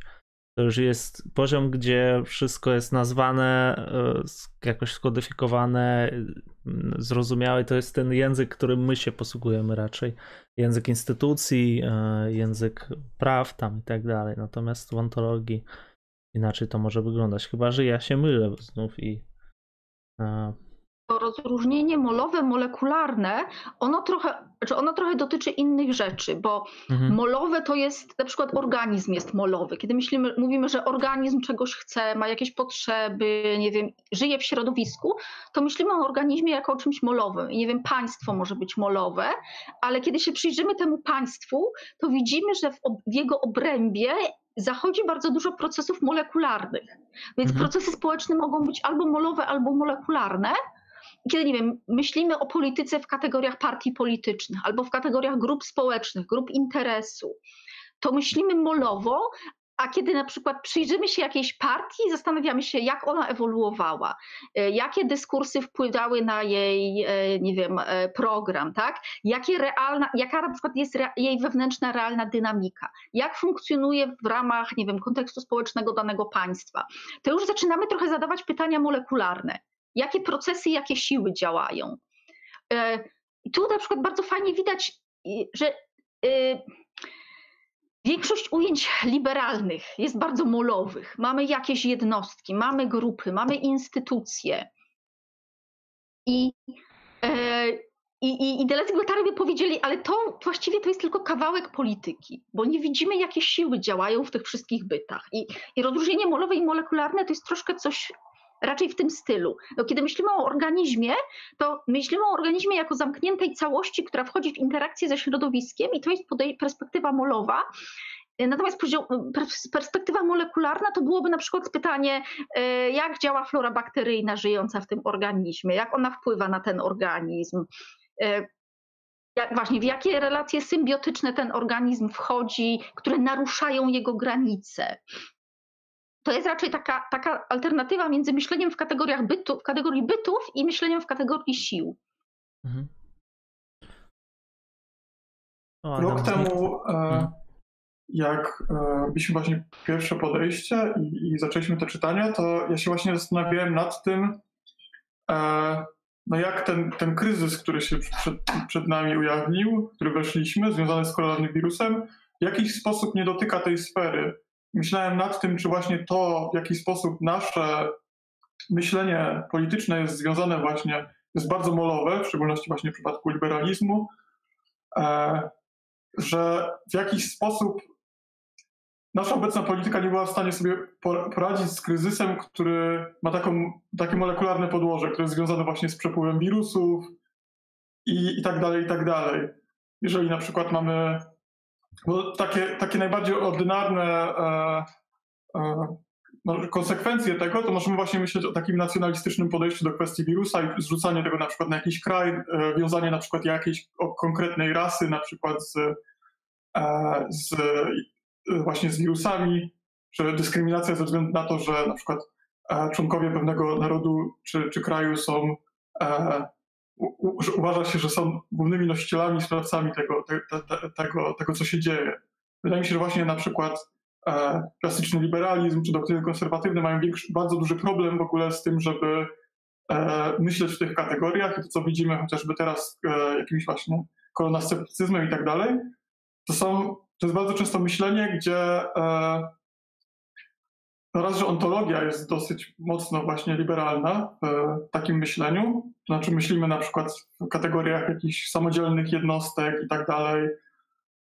Tutaj z kolei też mamy problem z kolektywizmem, to też jest raczej taka, można powiedzieć, molarna kategoria, molowa kategoria, ale wydaje mi się, że właśnie tutaj to, że nasze aparaty polityczne nie są w stanie ujmować do końca tego, że to działa na trochę innym poziomie, sprawia, że, że ta polityka trochę kuleje, ale nie wiem, czy, czy, czy, czy zmierzam tutaj w dobrym kierunku.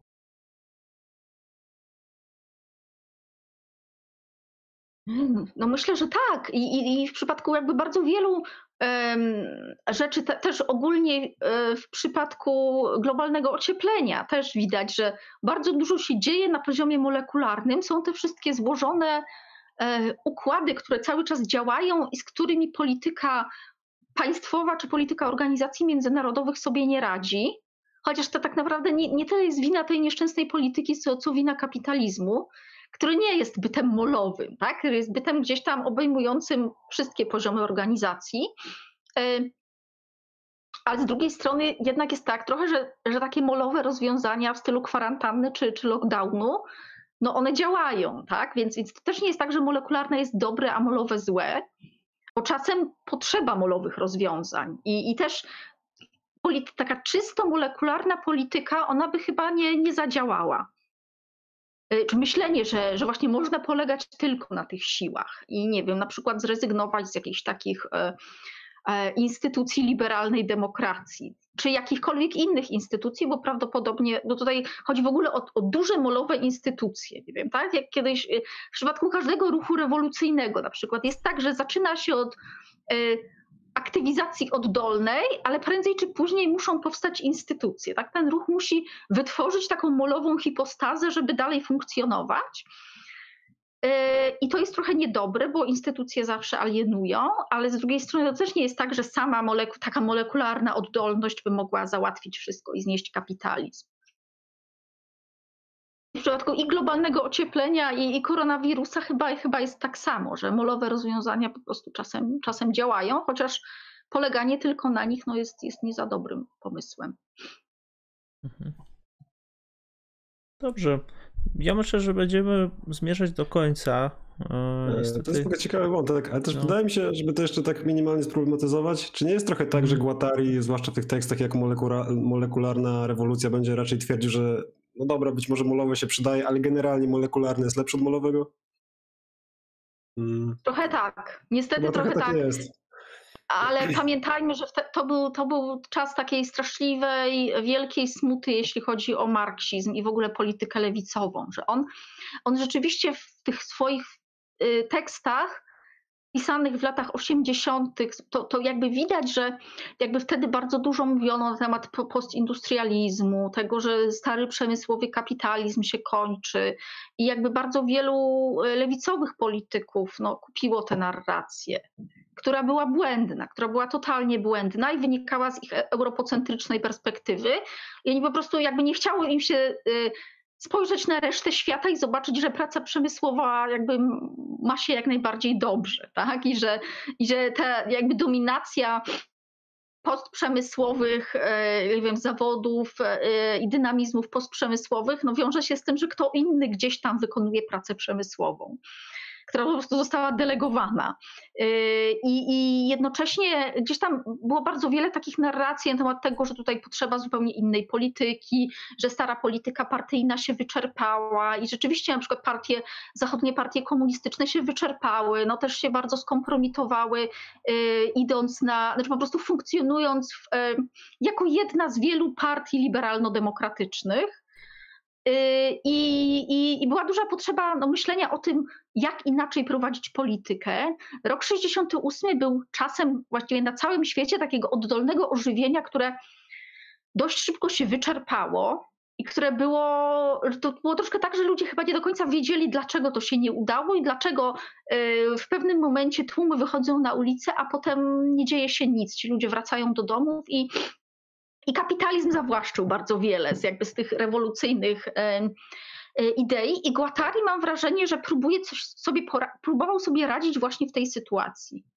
I rzeczywiście, i starał się, on rzeczywiście kładł duży nacisk na politykę molekularną. Uważał, że molową można w dużej mierze jednak odłożyć do lamusa. No myślał na przykład o ekologii też w, tej, w tych kategoriach, że można, że należy zwrócić uwagę na kwestie ekologii, kwestie nie, aktorów nieludzkich, ale właśnie w perspektywie tych molekularnych układów i sił.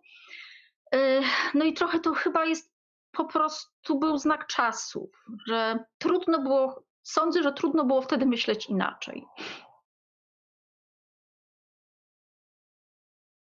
No, jak najbardziej pełna zgoda.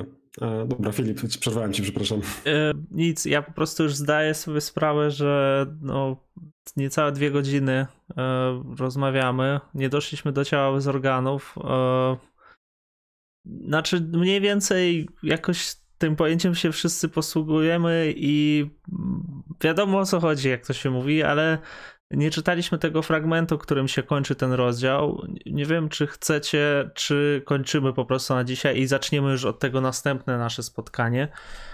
E, wydaje mi się, że ten wątek to dałoby się oczywiście pociągnąć dalej, dalej, dalej z ciałem bez organów. E, I zresztą no, cały podrozdział. Co? Myślę, że ta nieco humorystyczna metafora z tym streamem była zaskakująco trafna. więc coś, o tym, więc coś tak. o tym ciele bez organów było. E, tak. Jeśli chodzi o dzisiaj, to ja bym już zmierzał powoli do zakończenia, mhm. zwłaszcza, że czuję, że poziom mojego skupienia już leci mocno. Jasne. No dobrze. E, było jeszcze pytanie ostatnie. Na pierwszym streamie padł temat Nikalanda. Czy słyszeliście o jego interpretacji przez Piotra Graczyk, doktora Piotra Graczyka i Sojuszu Prawicy Delezjańskiej z lewicą delezjańską przeciw kapitalizmowi? Ktoś coś mówił chyba o tym, nie pamiętam. Mhm, A... Tak, tak. E, jest numer kwartalnika Kronos, który nazywa się Odbudowa Nowoczesności, bodajże z wieżą Babel na okładce, ale nie jestem pewien, z jakimś takim budynkiem. I tam są przetłumaczone dwa teksty Landa, jeden z niewielu tłumaczeń w języku polskim i właśnie taki tekst wstępny Piotra Graczyka, Nick Land i hiperprawica delezjańska. No tekst jest niezły, i też pokazuje być może na pewne zagrożenia takiego prawicowego akceleracjonizmu, tak bym to może krótko odpowiedział. A tak jak Filip parę razy mówił, będzie, będzie stream o akceleracjonizmie za jakiś czas, więc tam będzie można zadać to pytanie jeszcze raz i, i sympatyk akceleracjonizmu będzie nam przybliżał, czym jest to stanowisko i, i jak je rozumieć. Tak, tak, tak, tak. E, no dobrze, to ja myślę, że tyle z takich e, z pytań. E, my się spotykamy, no właśnie teraz to sobie ustalimy jeszcze, ale myślę, że podobnie. E, dziękuję, że nas oglądaliście. Nie wiem, czy chcecie jeszcze coś dopowiedzieć. E, zwracam się teraz do Was tutaj obecnych na Discordzie. No nic. Dobra, to dziękuję. Dziękuję Wam, dziękuję Joannie Bednarek za, za udział, dziękuję Tobie Adam yy, i Kasper, że, że jednak dotarłeś do nas. Do zobaczenia. Jasne, dobrego wieczoru. A i pies też powiedział do zobaczenia.